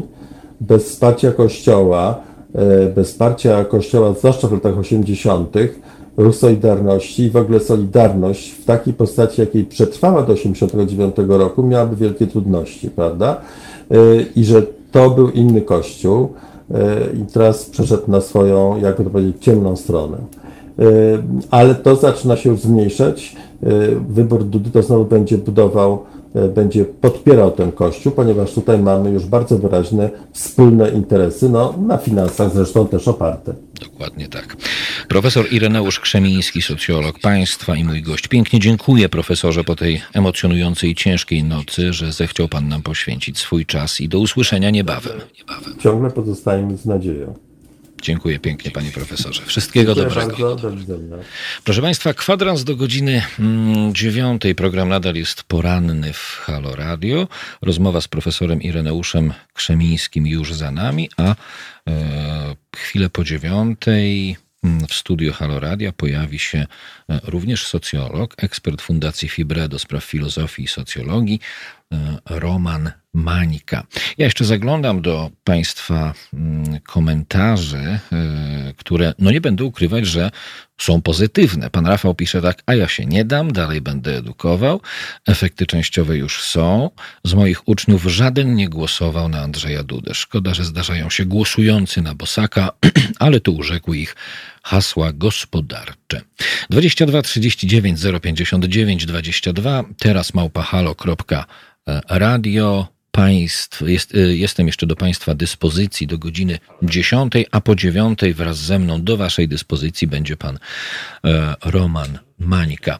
E, proszę Państwa, zaglądam do skrzynki mailowej. Pan Mariusz pisze: Dziękuję Wam. Z tymi programami czuję się normalnie. Mm, a co do tak zwanych wyborów 2020, to może się zdarzyć, że wczoraj Polska wybrała, a za dwa lata najpóźniej pogoni. Może czarno to widzę, ale Duda może miał szansę z godnością opuścić pałac. Za dwa lata może uciekać. Tak swoją korespondencję z nami kończy pan Mariusz. E, jedyne, co mogę odpowiedzieć, to, że czas pokaże.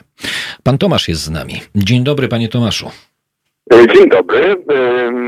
Dzwonię z podwarszawskiej prowincji, jak zwykle. E, chciałem się odnieść e, do informacji, które w ciągu ostatniej godziny usłyszałem w Halo Radiu. To, o czym mówił pan profesor Krzemiński, czyli o lekarzu, który, no ja słyszałem to w wersji rolnika, który powiedział, panie i co, że kradną, ale się z nami dzielą. E, wiele osób myśli tak w tym kraju, chyba nie zauważając, że jest to akces przystąpienia do e, przestępstwa, jakby e, próba współudziału, właśnie udziału w podziale łupów. 10 milionów, ponad 10 milionów osób głosujących na Andrzeja Dudę, no to właściwie jest grupa osób, która przystąpiła właśnie do mm, przestępczego paktu, z czego wynika, że co trzecia mijana osoba na ulicy może być potencjalnym przestępcą. E, co jeszcze? Co do e, wypowiedzi pani z Państwowej Komisji Wyborczej, która mówiła o e, przygotowaniu konsulatów, zagranicznych konsulatów, polskich konsulatów za granicą, przepraszam, do wyborów, no w taki sposób, jakby te konsulaty realizowały tę potrzebę po raz pierwszy w życiu, więc to było żenujące i nie zdziwiłem się nawet, że Państwo w pewnym momencie przerwali tę transmisję, bo nie można było już tego słuchać. Jeżeli chodzi o prezydenta Dudę, ja bym był bardzo ostrożny na jego miejscu w egzemplifikacji skrajnych, też niemal kryminogennych poglądów.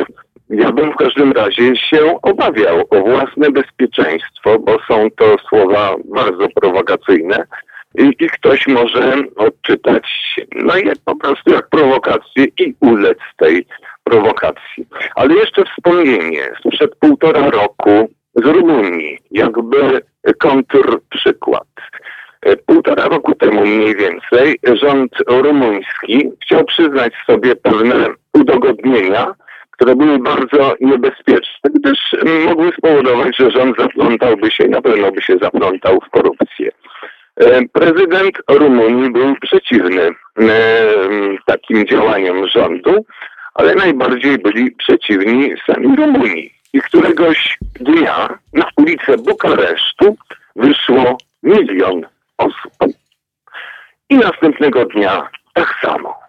Kiedy myślę o milionie osób protestujących w kontekście Polaków, to odnoszę wrażenie, że jest to jakaś abstrakcja. A dlaczego Pana zdaniem jest to abstrakcja? Panie Tomaszu? Ponieważ nie przypominam sobie sytuacji w Polsce, aby rzeczywiście taka, taka ilość osób, no, przynajmniej w ostatnich czasach, pojawiła się e, na ulicy. E, raczej, e, jeżeli komuś, moje zdanie jest takie, jeżeli komuś zaczyna doskwiera, do, zaczną doskwierać braki w portfelu, to on za ostatnie pieniądze prędzej kupi broń palną, niż będzie protestował przeciwko władzy.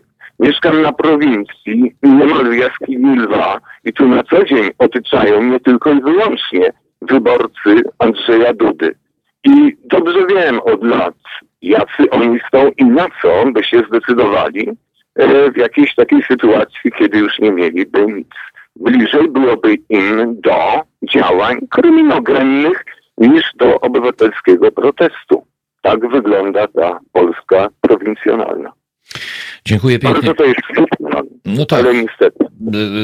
Potrzebne są takie konstatacje i myślę, że bez sensu jest, żebyśmy się pocieszali, bo to pocieszanie tylko zamyka nas w takim e, kręgu pokrzywdzonych, ja to czasami tak mówię, a to właśnie progresywne myślenie e, i dotykanie problemów w sposób bezpośredni może nas posuwać no do przodu. Właśnie, jestem, też tym zaskoczony, że E, na temat tego, że bieda może spowodować e, to, że e, ofiar tej biedy w wyniku rozmaitych napadów rabunków będzie mniej więcej dziennie tyle, ile ofiar koronawirusa.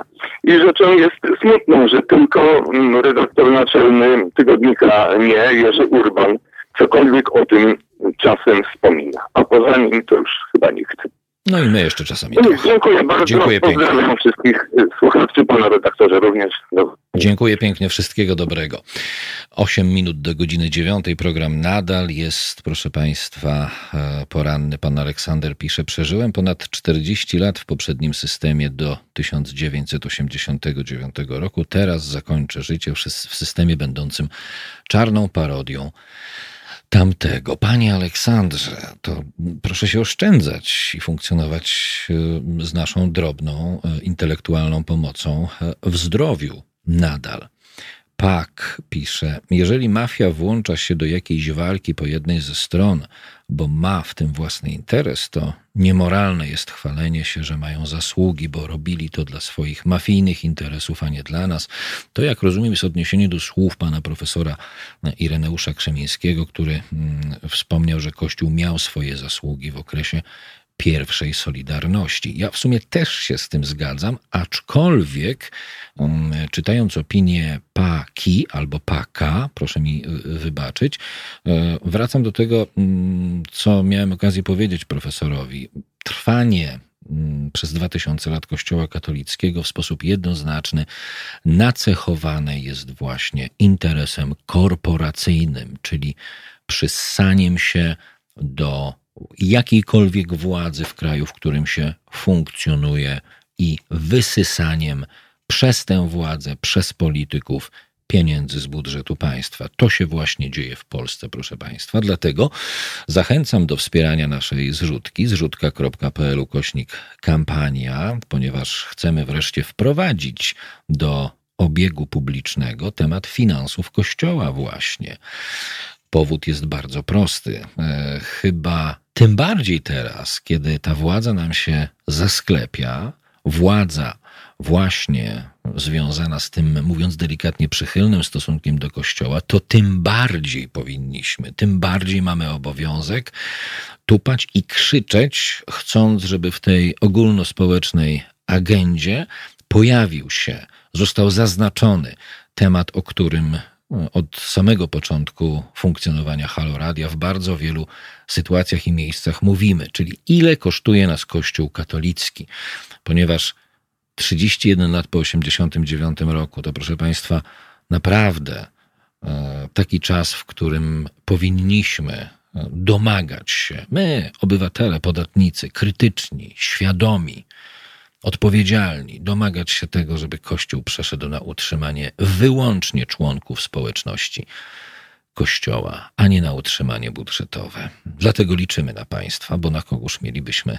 liczyć w tej sytuacji? Zrzutka.pl ukośnik kampania. Ile kosztuje nas Kościół? Wprowadźmy do agendy kwestię tych 20 miliardów złotych rocznie. A przypomnę, że całkowite zadłużenie polskich szpitali w tej chwili równa się kwocie 13 miliardów złotych.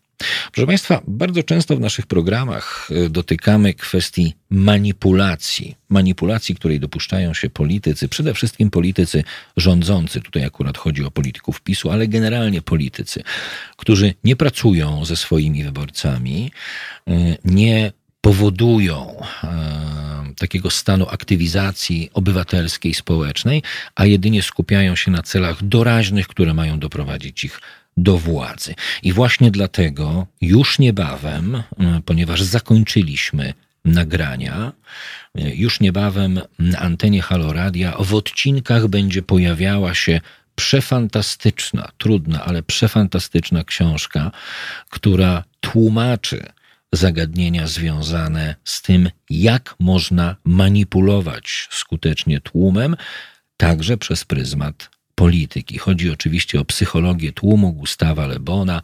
Jesteśmy oczywiście dzięki Państwu jedynym radiem, bo to w końcu Halo Radio, czyli medium obywatelskie, które pozwala sobie z Państwa, mam nadzieję, akceptacją na emitowanie tak bardzo zaangażowanych treści, a psychologia tłumu, jeśli ktoś jeszcze nie czytał Gustawa Lebona, to rzeczywiście żelazna pozycja związana z tym, żeby zrozumieć, jak bardzo politycy i dzięki jak, dzięki jakim narzędziom mogą w sposób pośredni i bezpośredni na nas wpływać.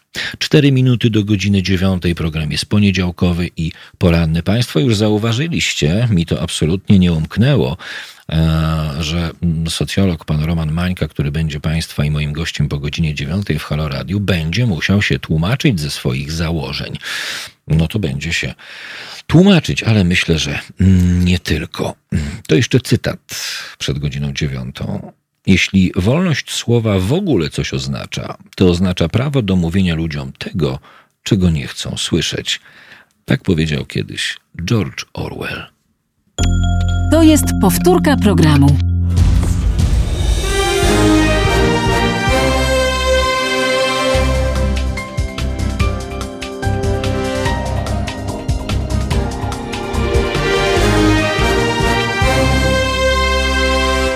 8 minut po godzinie 9. Program jest poniedziałkowy i poranny. Proszę Państwa, najnowsze dane Państwowej Komisji Wyborczej jasno wskazują, że zwycięzcą drugiej tury wyborów prezydenckich w Polsce został Andrzej Duda.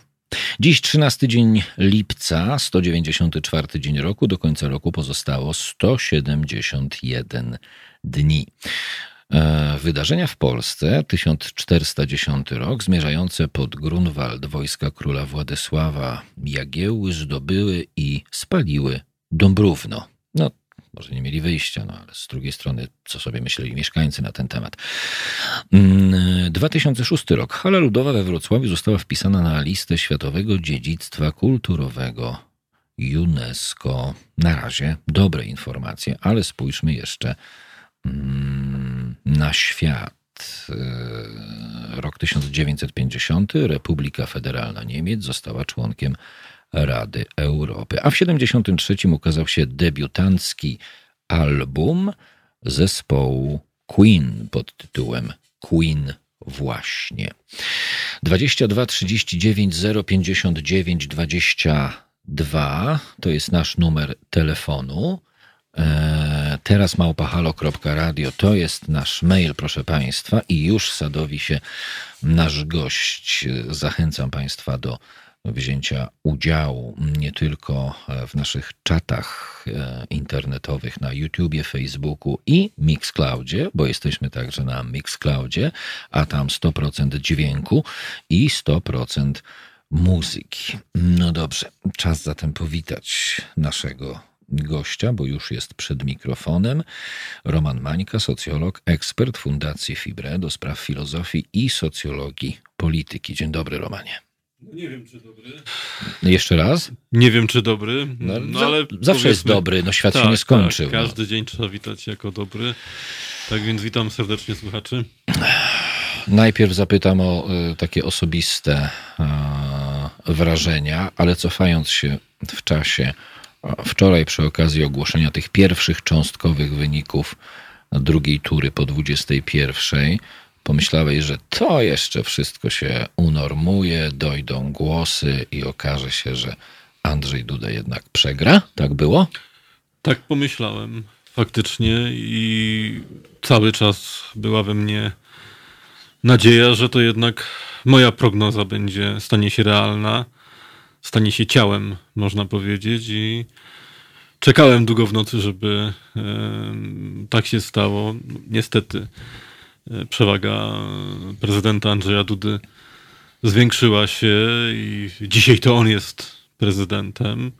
Oczywiście trzeba e, mu złożyć gratulacje, bo w demokracji obowiązują pewne zasady i... Ale Prawo i Sprawiedliwość nie stosuje demokratycznych zasad, więc może byśmy byli zwolnieni po prostu z tych gratulacji. Ja dochowuję takiej zasady, że e, pogratulować zawsze trzeba, natomiast w drugim słowie staram się powiedzieć to, co się działo. I no niestety, e, sam zresztą noszę się z zamiarem złożenia protestu wyborczego, bo widziałem szereg nieprawidłowości. Jakie to były nieprawidłowości, Twoim zdaniem?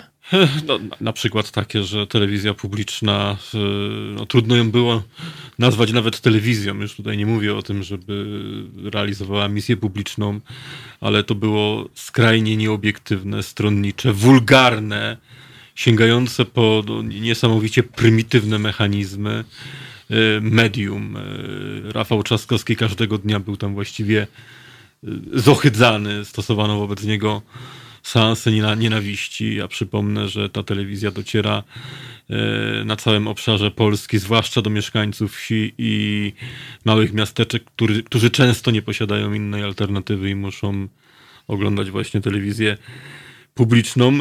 I tutaj zostały e, naruszone wszystkie możliwe normy. No, poza tym działania Prawa i Sprawiedliwości, które nie były do końca uczciwe. No, jeżeli władza publiczna korzysta ze swoich narzędzi, ze swoich mechanizmów i mówiąc kolokwialnie, płaci za głosy na terenach, w których ma wysokie poparcie, no bo jak inaczej e, rozumieć prezenty w postaci wozów bojowych, które zostały skierowane na obszar poniżej 20 tysięcy mieszkańców, a więc tam, gdzie wysoki trend poparcia ujawniała właśnie Prawo i Sprawiedliwość i to powodowało, że w tej chwili na, na poziom starych województw, których już nie ma, przypomnę, mhm. tutaj y, oparto się o y, podział administracyjny sprzed 20 lat. Nie istnieje coś takiego jak stare województwo. Te województwa od 20 lat nie istnieją. W pierwszej turze wyborów mieliśmy do czynienia z przekazaniem 16 wozów bojowych na y, teren 16 obecnych województw.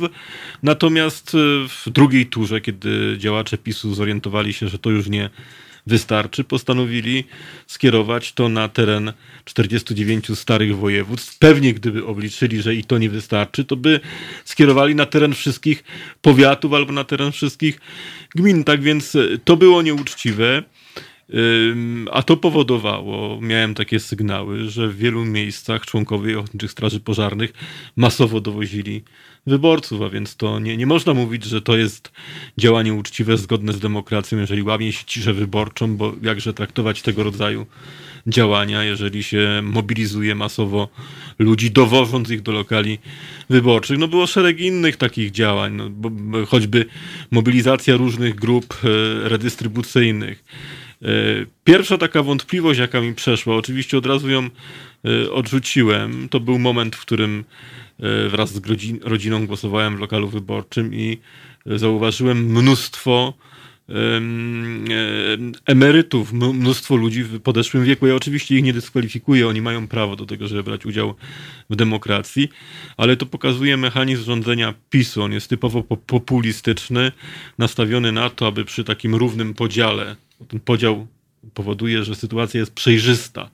Mamy dwie grupy i wiemy mniej więcej, że te wielkości około 50% będą równe i wówczas e, szukanie zwycięstwa wyborczego polega na tym, że diagnozuje się społeczeństwo i wychwytuje takie grupy właśnie e, wrażliwe socjalnie, właściwie wrażliwe redystrybucyjnie, że poprzez pewne bodźce, czasami także podprogowe, zmobilizować ich do urn wyborczych. No i tutaj, tutaj to miało miejsce. Do tego jeszcze, jak mówimy o nieprawidłowościach, to trzeba powiedzieć, no tutaj właściwie to była kompletna, totalna patologia i to musi się stać przedmiotem protestów wyborczych, a więc głosowanie poza granicami kraju.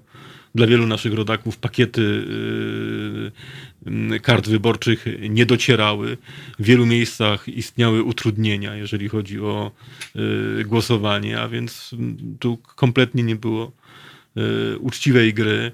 I te wybory mm, od początku były prowadzone w sposób bardzo stronniczy, sprzyjający dla władzy. Strona demokratyczna wzięła w nich tylko udział, dlatego że nie miała innego wyjścia. Musiała po prostu do tych wyborów stanąć, no bo jeżeli nie istnieje inna możliwość zderzenia się z e, władzą o skłonnościach totalitarnych, to trzeba przyjąć jej warunki, ale te warunki były skrajnie nieuczciwe. Jeśli mówimy o protestach wyborczych, to ja mam takie wrażenie, jak czytam e, doniesienia agencyjne, że ani chyba Trzaskowski, ani Platforma Obywatelska no, nie są jacyś skorzy do składania tych protestów wyborczych. Ja nie wiem, czy Platforma w, w obecnej sytuacji będzie w ogóle zainteresowana przyjmowaniem jakiejś władzy. Y, bo po pierwsze te instytucje wykonawcze, które rzeczywiście y, posiadają w ręku władzę realną, zdominowane są przez Prawo i Sprawiedliwość. Po drugie, nadciąga do Polski kryzys gospodarczy. Trzeba się spodziewać, że po pierwsze ta polityka populistyczna Prawa i Sprawiedliwości musi się kiedyś skończyć, bo to było rozdawnictwo pieniędzy bez granic i, i kiedyś to w, w, ekonomii to jest naturalne, przyjdzie tego kres, a po drugie ciągle o czym się e, zapomina. Mamy do czynienia z pandemią koronawirusa i wiadomo, że też e, skutki gospodarcze, e, zatrzymania gospodarki, tego przestoju, który miał miejsce, a my nie wiemy, co się stanie na jesień, czy nie przyjdzie druga fala pandemii, będą e, e, miały miejsce. Dlatego też opozycja może kalkulować, czy to jest ten moment, żeby przejmować władzę i co za tym idzie, żeby składać protesty. Mm, e, na pewno tutaj Platforma Obywatelska osiągnęła cel minimum, gdyż z, z politycznego punktu widzenia wprowadzenie do gry Rafała Trzaskowskiego miało na celu uratowanie Platformy, która szła na dno w momencie, kiedy kandydowała Małgorzata Kiedawa-Błońska.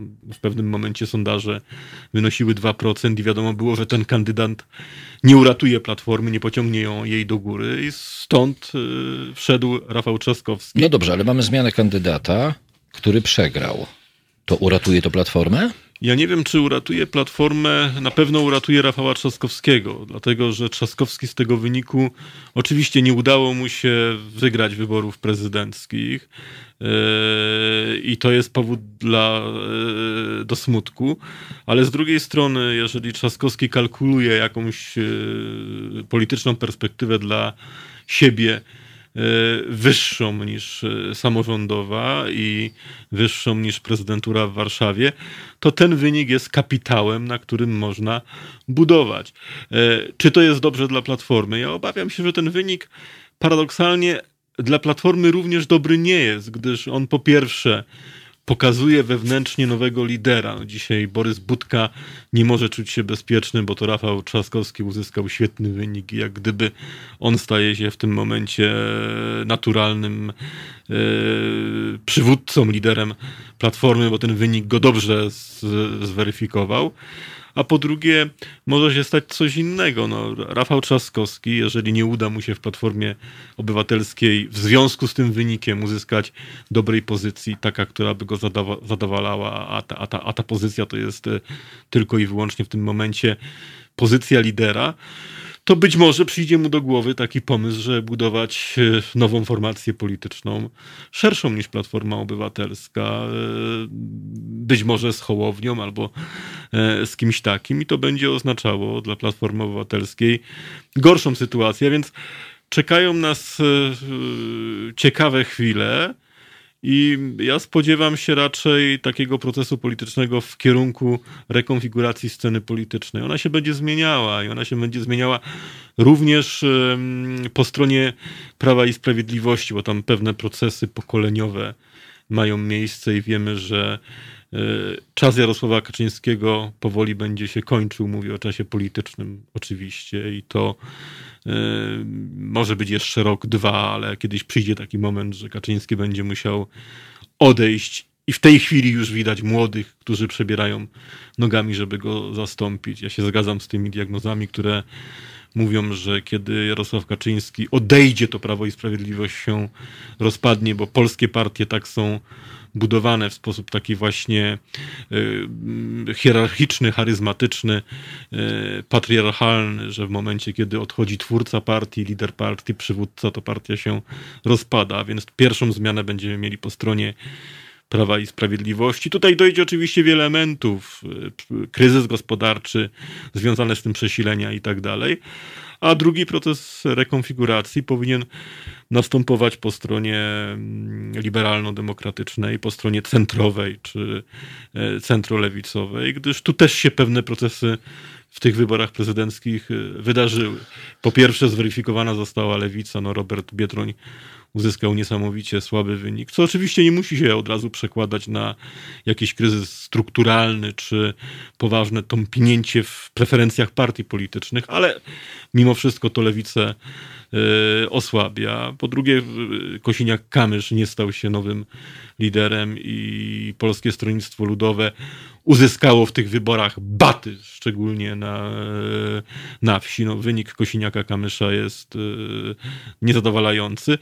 I po trzecie mamy tutaj Platformę Obywatelską, w której sytuacja jest złożona i, i, i również bardzo ciekawa, bo z jednej strony wydaje się, że ta partia się obroniła, że uzyskała dobry wynik w tych wyborach, że stawiła czoła E, Andrzejowi Dudzie, ale z drugiej strony to nie jest do końca sukces Platformy Obywatelskiej, to jest sukces Trzaskowskiego i ludzi, którzy za nim stanęli. Nie wszyscy ludzie, którzy popierali Trzaskowskiego, tak jak na przykład ja jestem taką osobą, popierają Platformę Obywatelską, więc tutaj też sytuacja nie jest jednoznaczna i wszystko będzie zależało od tego, co zrobi Rafał Trzaskowski. Wczoraj prezydent zaprosił go do Pałacu Prezydenckiego, zaproponował podanie ręki. I ja zwykle w sytuacjach y, politycznych tego typu jestem za tym, żeby ręki podać, ale tu akurat nie doradzałbym Rafałowi Trzaskowskiemu, żeby szedł do prezydenta i spieszył się z wyciąganiem ręki, gdyż to pan prezydent y, na początku powinien przeprosić Trzaskowskiego i wszystkich jego wyborców. Za te... Prezydent wygrał, nie musi nikogo przepraszać. Ja uważam, że jeżeli ktoś walczy nieuczciwie, wie pan, mogę podać inny przykład. Ale w opinii swojej i swojego otoczenia politycznego prezydent walczy uczciwie i sam wystąpił z apelem o to, żeby już tak było normalnie, spokojnie, ale to nie był taki autoapel, tylko apel skierowany do drugiej strony. Jak ktoś grał w karty w pokera, to wie, że ci, którzy oszukują, wyciągają tam jakieś karty spod stołu, też uważają, że grają uczciwie zwycięzcy przeważnie uważają, A może się zasady zmieniły? Może to jest teraz uczciwa ja panu gra. Powiem tak, pan kiedyś powiedział, że ja interesuję się piłką nożną, co jest zresztą prawdą i Diego Maradona szczelił bramkę ręką, do tej pory nie przeprosił, za co jest krytykowany przez wielu dziennikarzy w wielu krajach świata, nielubiany, a przez Anglików wręcz e, znienawidzony. To ja powiem, że to, co robił Andrzej Duda i jego obóz było dużo gorsze od tego, co zrobił Diego e, Maradona, bo on to szczelił bramkę ręką, ale to nie było jak, to było oszustwo, ale to nie było jakieś wulgarne, prymitywne. Nawet w sposób subtelny tą rękę, re- ręką tą bramkę szczelił, mówiąc, że to jest ręka Boga. Natomiast to, co e, robił Andrzej Duda, jego obóz, Jacek Kurski, to było obrzydliwe, haniebne. Ja tu nie znajduję słów, żeby to opisać. No dobrze, ale to Prymitywne, wszyscy- wulgarne. Ale to wszyscy wiemy, tylko wygranych się nie Ale nie rozlicza. możemy przejść do- nie Nie, i my nie przechodzimy nad tym do porządku dziennego, bo non-stop to wałkujemy i między, to jest bardzo dobre i to się nie zmieni. Natomiast e, generalna zasada, wygranych się nie rozlicza, a kiedy była możliwość rozliczenia Prawa i Sprawiedliwości, to członkowie e, obozu Rafała Trzaskowskiego zatraskiwali się w sraczach. Zgadzam się z panem i ja też e, wyznaję taką zasadę, że zwycięzców się nie sądzi, zwycięzcy piszą e, historię. Nawet ułożyłem własne takie powiedzenie swego czasu, że e, nie ma pięknych porażek, porażki są zawsze brzydkie, a więc tak można e, powiedzieć. No i to cholerne moralne zwycięstwo, które nas nie, prześladuje nie, od w sensie zawsze. nie ma czegoś takiego jak mo- moralne zwycięstwo. Zwycięstwo może być tylko realne i y, głos y, oraz możliwość oceny posiadają ci, którzy y, czy to w sporcie, czy w polityce, czy w jakiejkolwiek innej dziedzinie osiągnęli zwycięstwo. I to oczywiście Prawo i Sprawiedliwość będzie ten fakt y, zwycięstwa wykorzystywało, bo już wczoraj to widzieliśmy y, i w telewizji publicznej, trudno mi tutaj powiedzieć, ale, ale i, i w TVP, i w różnych innych mediach prezentowany był triumfalizm i to zwycięstwo było eksponowane. Jednak y, każdy rozsądny człowiek, który y, trzeźwo obserwował sytuację, wie, że to było zwycięstwo osiągnięte nieuczciwie, w sposób skrajnie nieuczciwy sposób, przy wykorzystaniu wszystkich możliwych narzędzi związanych z rządzeniem, z propagandą, z oddziaływaniem na ludzi, z korumpowaniem wyborców, bo ta korupcja wyborcza, ja się ma, mało, wie pan, publicystów powiedziałoby panu, że to była korupcja wyborcza, a ja odważnie mogę powiedzieć, że to była korupcja wyborcza. Przeko- w tych wyborach przekupowano e, ludzi, wręczano rozmaite prezenty, i to socjalne, mobilizowano grupy redystrybucyjne, e, obdarowywano ochotnicze straże pożarne samochodami bojowymi. Do tego był szereg utrudnień związanych z głosowaniem. No, czy pan wie na przykład, że jeżeli ktoś przed pierwszą turą wy- wypoczywał we Władysławowie, czy w Mrzeżynie, czy e, w Pobierowie, wrócił między pierwszą a drugą turą do, Do Warszawy, Zakopanego na przykład. to musiał z powrotem jechać do Zakopanego czy do Władysławowa, żeby zagłosować, albo jechać tam, żeby wypisać się z, ze spisu wyborców i zagłosować, przenieść tutaj do Warszawy i zagłosować w Warszawie. To były celowe utrudnienia. Jest masa różnych, to wszystko trzeba oczywiście zebrać, przeanalizować. Dzisiaj jeszcze jest e, za szybko, żeby mm, e, takie, takiej, takiej wnikliwej analizie to poddać, ale już na pierwszy zrzut oka widać cały szereg rozmaitych nieprawidłowości, manipulacji, nieuczciwych zagrań, które miały miejsce. I ja spodziewam się, że nawet jeżeli Platforma Obywatelska nie będzie składała protestów, to mm, e, znajdzie się szereg osób, które takie protesty złożą. A wie pan, jakie mam wrażenie? Pan cały czas y, mówi o postpolityce w gruncie rzeczy. Y, Mówi pan o patologiach polityki, które są standardami w postpolityce. A Problem- my żyjemy w czasach postpolityki. Tak, ale pro, problem polega na tym, że właśnie y, publicyści, eksperci, y, liderzy opinii publicznej, obserwatorzy zbyt y, łatwo przechodzą nad tym wszystkim do porządku dziennego. No bo tego- to, bo to nie była i- rewolucja, tylko ewolucja, ten stan, w którym jesteśmy. Nas niestety, tak jak kiedyś Berlusconi we Włoszech, przyzwyczajał Włochów do pewnych, e, w cudzysłowie, standardów, które tak naprawdę były patologią polityki. Również e, nas, Jarosław Kaczyński i Prawo i Sprawiedliwość, przyzwyczaiło do pewnych mechanizmów, do pewnych reguł, które stały się w naszej świadomości standardami, a tak naprawdę to jest największa polityczna patologia. Ja kiedyś e, mówiłem, że następuje coś w rodzaju kulturowej indoktrynacji czy immunizowania się na pewne reguły, pewne mechanizmy. Otóż patologia może stać się normą. Jeżeli jest nagromadzenie patologii tak duże, jeżeli jego częstotliwość jest tak wysoka, to po jakimś czasie to, co jest y, patologią życia publicznego, będzie postrzegane jako normalność i tak się na wielu płaszczyznach dzieje. Proszę zwrócić uwagę, że my e, nie reagujemy już na sytuacje korupcyjne. Dla nas stały się normalne, gdyż korupcji było tak dużo, że nas nie dziwi. Nie reagujemy na łamanie prawa, które właściwie się nagminnie e, odbywa. Tutaj Prawo i Sprawiedliwość złamało wszelkie możliwe reguły i konstytucyjne, i prawne, i nie tylko. I istnieje społeczne przyzwolenie przez bierność, e, e, które powoduje, że oni idą coraz dalej, a społeczeństwo nie reaguje. Taką możliwością masowego zareagowania były te wybory. Niestety, minimalnie, po nieuczciwej grze e, zwyciężył w nich Andrzej Duda, co oznacza, że w najbliższych latach możemy mieć kontynuację tej polityki. I to nie jest dobra wiadomość. Dobra wiadomość natomiast jest taka. O, to jedna. Jest taka dobra wiadomość i tutaj chcę wszystkich e, słuchaczy uspokoić. Mm, e, dobra wiadomość jest taka, że obóz liberalno-demokratyczny posiada bardzo silne zasoby których jeszcze w optymalnym stopniu nie zmobilizował, bo ja oczywiście mogę się przyznać tutaj z pokorą, że moje prognozy się nie sprawdziły, bo wygrał Duda, i, a nie Trzaskowski, ale one, jak się je dokładnie przeczyta, to w dużej mierze się e, sprawdziły. Nie sprawdziły się dlatego, że była zbyt mała mobilizacja w przestrzeni miejskiej, czyli szczególnie w wielkich i średnich miastach wobec e, wsi.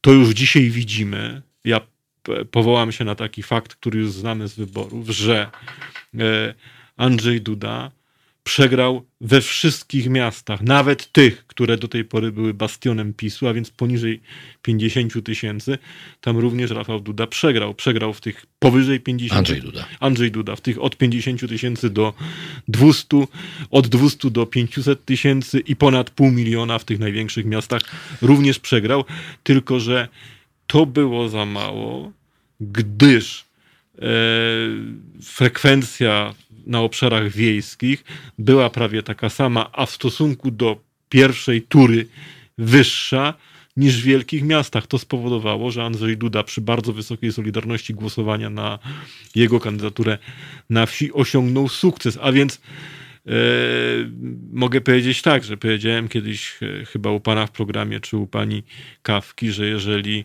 e, przestrzeń miejska włączy wszystkie swoje silniki i to przestrzeń prawda. wiejska tak włączy wszystkie swoje silniki, to wygra Trzaskowski. Niestety miasta nie włączyły wszystkich swoich silników. Tu jeszcze była spora rezerwa do wykorzystania i być może znaczenie miały wszystkie te utrudnienia z e, zagłosowaniem.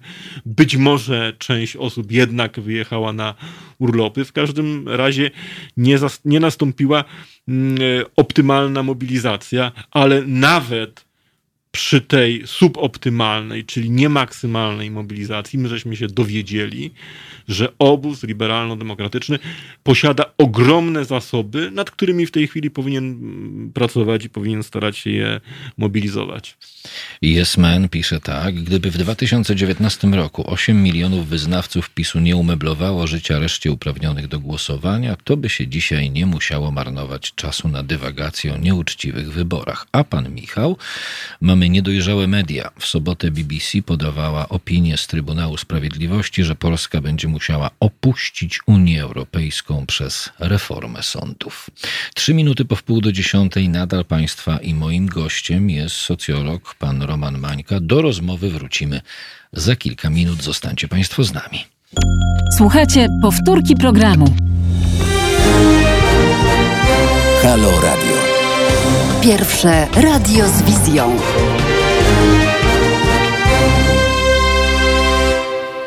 A na zegarach, proszę Państwa, mamy 20 minut do godziny 10. Program jest poniedziałkowy. Ja nazywam się Kuba Wątły. Dzisiaj 13 dzień lipca i to taki moment, w którym należy przypomnieć, że drugą turę wyborów prezydenckich w Polsce wygrał Andrzej Duda. Socjolog Roman Mańka jest Państwa i moim gościem jeszcze przez prawie kwadrans. Witam ponownie. Jak będzie się układało, e, Pana zdaniem, to chciałem powiedzieć współżycie, ale tego, te, tego współżycia nie ma.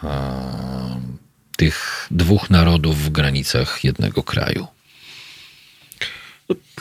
To jest bardzo skomplikowana sprawa. Ja może zacznę od warstwy politycznej, a więc tutaj w warstwie politycznej e, żadnego współżycia nie będzie, gdyż w interesie obydwu stron e, jest konflikt polityczny.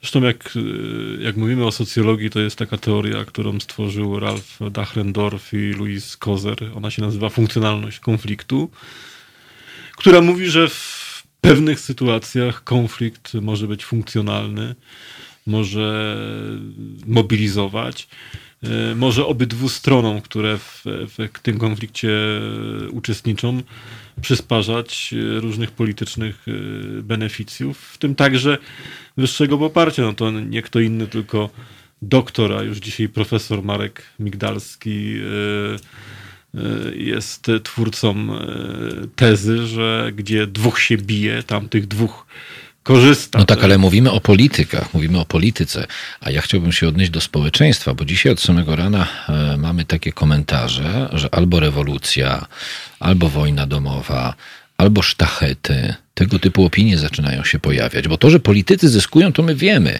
ale w takiej sytuacji, gdzie dwóch się bije, tam dwóch korzysta, społeczeństwo nie zyskuje nic, tylko zaczyna w gwałtowny sposób tracić. A więc ja też chciałem o tym powiedzieć. I, yy, tylko, że musimy to zacząć od początku. Yy, ten podział yy, w pierwszych jego fazach nie schodził na dół, czyli na ten obszar społeczny Natomiast y, od kilku lat można powiedzieć, że istnieje również na poziomie e, społecznym i jest doświadczany coraz niżej. Znaczy, kiedyś jak się jechało na prowincję, to nie było tam widać, żeby e, ludzie się dzielili. Dzisiaj już e, rysy tego podziału się pojawiają.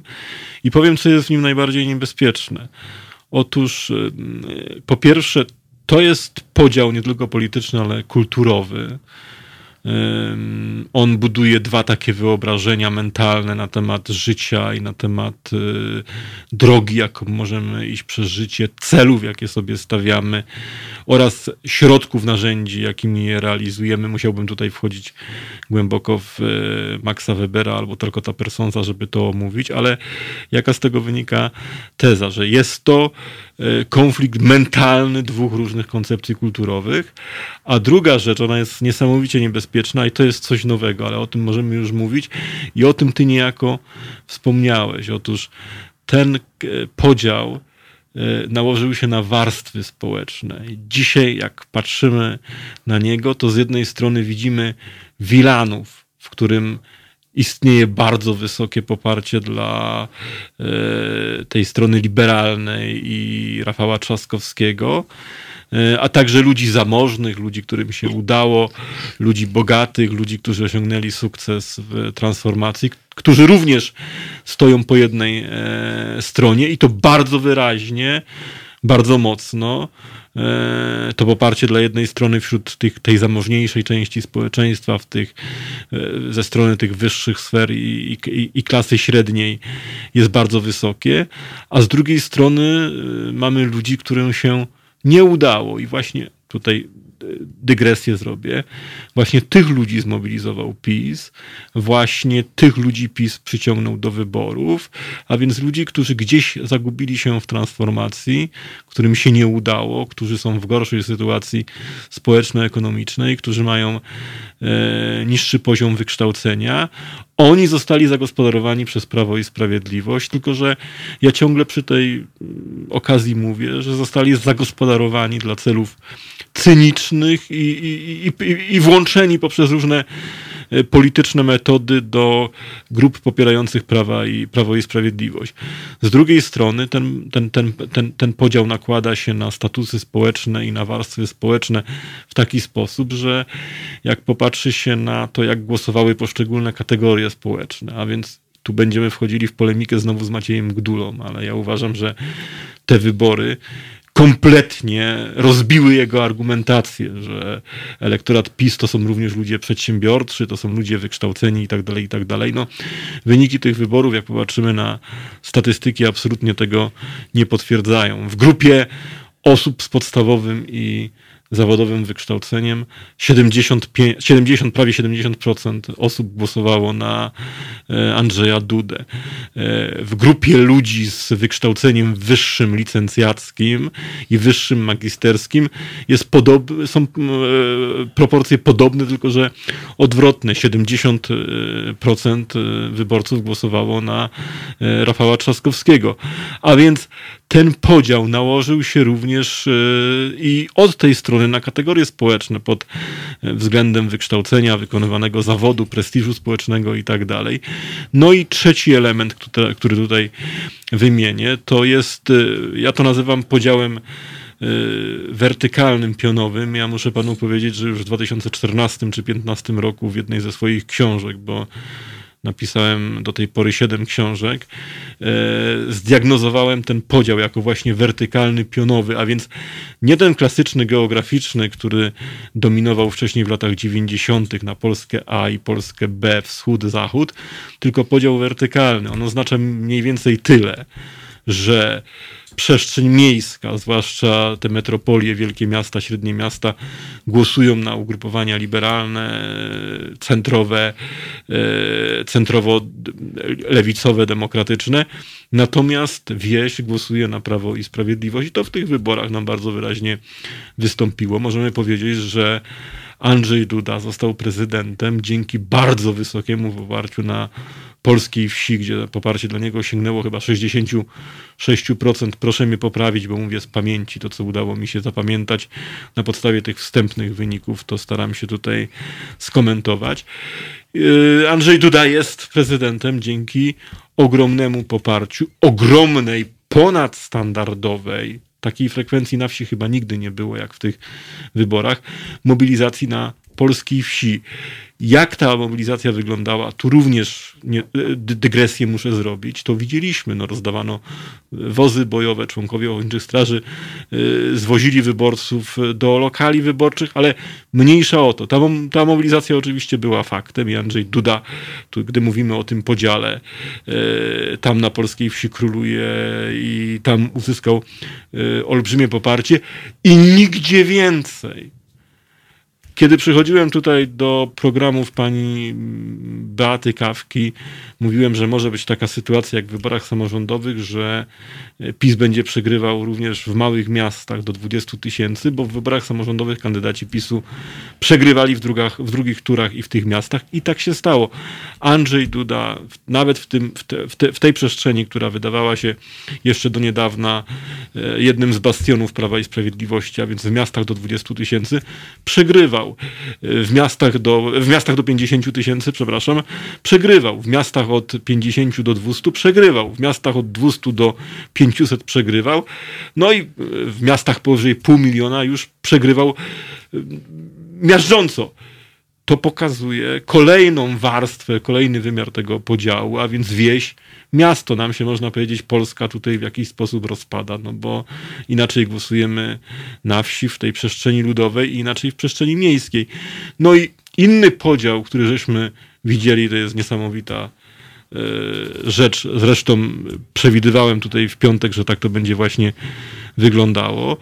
To jest podział geograficzny, który nie jest do końca geograficzny, bo to jest podział geograficzny, bardzo mocno warunkowany przez e, historię i to by trzeba było dokładnie rozpoznać i głęboko w to wejść, gdyż jest to pasjonujące, jak bardzo nam się historia w tych wyborach, ale nie tylko w tych, bo wcześniej również bywały takie sytuacje, odzwierciedliła w geografii wyborczej. Popatrzmy na ten podział, on gdzieś przebiega tak jak biegnie e, autostrada A1, a więc z jednej strony jest zachodnia Polska, gdzie Rafał Trzaskowski wygrał zdecydowanie i co chcę powiedzieć, geograficznie wygrał wybory Trzaskowski, bo Rafał Trzaskowski wygrał w dziewięciu województwach, a Andrzej Duda tylko w siedmiu. To jakbyśmy popatrzyli na rozkład poparcia w województwach, no to większą część kraju, można powiedzieć, kontroluje Trzaskowski.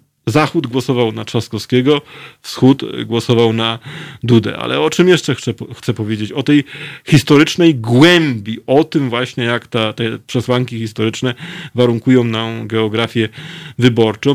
I, i, i trzeba zrobić takie e, socjologiczne rozpoznanie, dlatego że e, bardzo często Jarosław Kaczyński e, odmawiał stronie przeciwnej patriotyzmu, mówił, że to nie są Polacy, nie mają polskiej duszy okazało się, że tam, gdzie były te postawy y, najbardziej polskie, najbardziej wolnościowe, najbardziej przedsiębiorcze, wygrał Rafał Trzaskowski. No, Andrzej Duda y, wygrał na byłych ziemiach zaboru rosyjskiego, co zresztą też przepowiadałem, że jak opuścimy, gdybyśmy jechali na zachód, jak opuścimy zabór rosyjski, to przewaga, to, to poparcie dla Trzaskowskiego będzie bardzo mocno E, rosło. Oczywiście ja tutaj nie chcę ani stygmatyzować, ani nikogo dzielić, ani nikogo, nikomu ubliżać. E, to pokazuje, że ten podział postzaborowy, on ciągle gdzieś w nas siedzi i on wpływa na zachowania mentalne Polaków i on jak gdyby ugruntowuje ten podział polityczny e, i społeczny, jaki przy tych wyborach dał o sobie znać, ale warto przy tej okazji powiedzieć, że to jest wielkie zadanie edukacyjne, żeby do tych ludzi dotrzeć, nie lekceważyć ich, ani nie stygmatyzować, tylko starać się wyedukować, tłumaczyć, pojechać, spotykać się. Tego wszystkiego było e, e, za mało. To oczywiście jest zadanie na przyszłość. Tak więc ten podział istnieje i jak się patrzy na geografię, e, na to, jak się rozkładały głosy, czy to w grupach społecznych, czy to w kategoriach społecznych, bardziej zamożni, mniej zamożni, lepiej wykształceni, gorzej wykształceni, e, mieszkający na zachodzie, mieszkający na wschodzie, mieszkający na wsi, mieszkający w wielkich miastach, to się wydaje, że Polska za chwilę się może e, roz, E, rozpaść. Ja bym, ja bym nie chciał, żeby tak było, ale oczywiście ten podział tego rodzaju zagrożenia rodzi. I nie wiemy do końca, czy nie jest też gdzieś e, inspirowany z zewnątrz. Nie lubię teorii spiskowych, nie chcę w nie wchodzić, bo nie mam na to dowodów, ale dzisiaj e, ja zawsze powtarzam i też w jednej z swoich książek o tym e, napisałem. Nie będę wymieniał tytułu, bo nie chcę robić e, kryptoreklamy. Ale nie ma z tym problemu. E, ja nie lubię takich sytuacji, ale okej, okay, ostatnią książkę pisałem na temat morderstwa Jaroszewiczów. I tam był, była taka wzmianka na temat postępowania rosyjskich służb specjalnych i jej, ich, ich metodologii postępowania. I to, co obserwowaliśmy na Ukrainie w 2014 roku, nazwano wojną hybrydową. Ja się z e, tą e, kwalifikacją zgadzam, z tym, że mm, e, to była delikatna, nie to, czyli to była zwulgaryzowana, a nie delikatna forma wojny hybrydowej, bo oni musieli tam wejść. W takiej najbardziej subtelnej, wyrafinowanej koncepcji wojny hybrydowej, to Rosjanie nigdzie nie muszą wchodzić, bo w taki sposób oddziałują i tak prowadzą rozmaite działania propagandowe, że ludzie sami skaczą sobie do gardeł. E, sami się zabijają, sami się atakują. I my jesteśmy w takiej sytuacji, że niedługo być może, oby tak się nie stało, a taka sytuacja była kiedyś w Hiszpanii w latach 30., kiedy tam wydarzyła się mm, wojna domowa. Muszę powiedzieć, że przy wielu cechach sytuacja w Polsce jest podobna, przynajmniej zmierza w tym kierunku. Może być tak, że jeżeli się nie opamiętamy, to za chwilę zaczniemy sobie skakać do, do, do gardeł, co nie jest ani w interesie polskim, ani w interesie Unii, Unii Europejskiej, a jest w interesie tych, którzy mieli zawsze wobec nas złe intencje. E, zaglądam do Państwa komentarzy. Pan Piotr, e, wracając niejako do zaplecza politycznego kandydatów, pisze PO przyjęło i nadal przyjmuje politykę siedzenia okrakiem na płocie, gdy po obu stronach wyzywające się zwaśnione tłumy, bo każdy chce coś narzucić ogółowi. I mamy efekt liberałowie i konserwy wkurzone na platformę, które, która to platforma nie spełniła oczekiwań z żadnej grup. Mamy dwie minuty jeszcze. A to, to ja mogę powiedzieć co innego jeszcze, co zresztą też w swojej takiej, w takim suplemencie do analizy przed wyborami napisałem.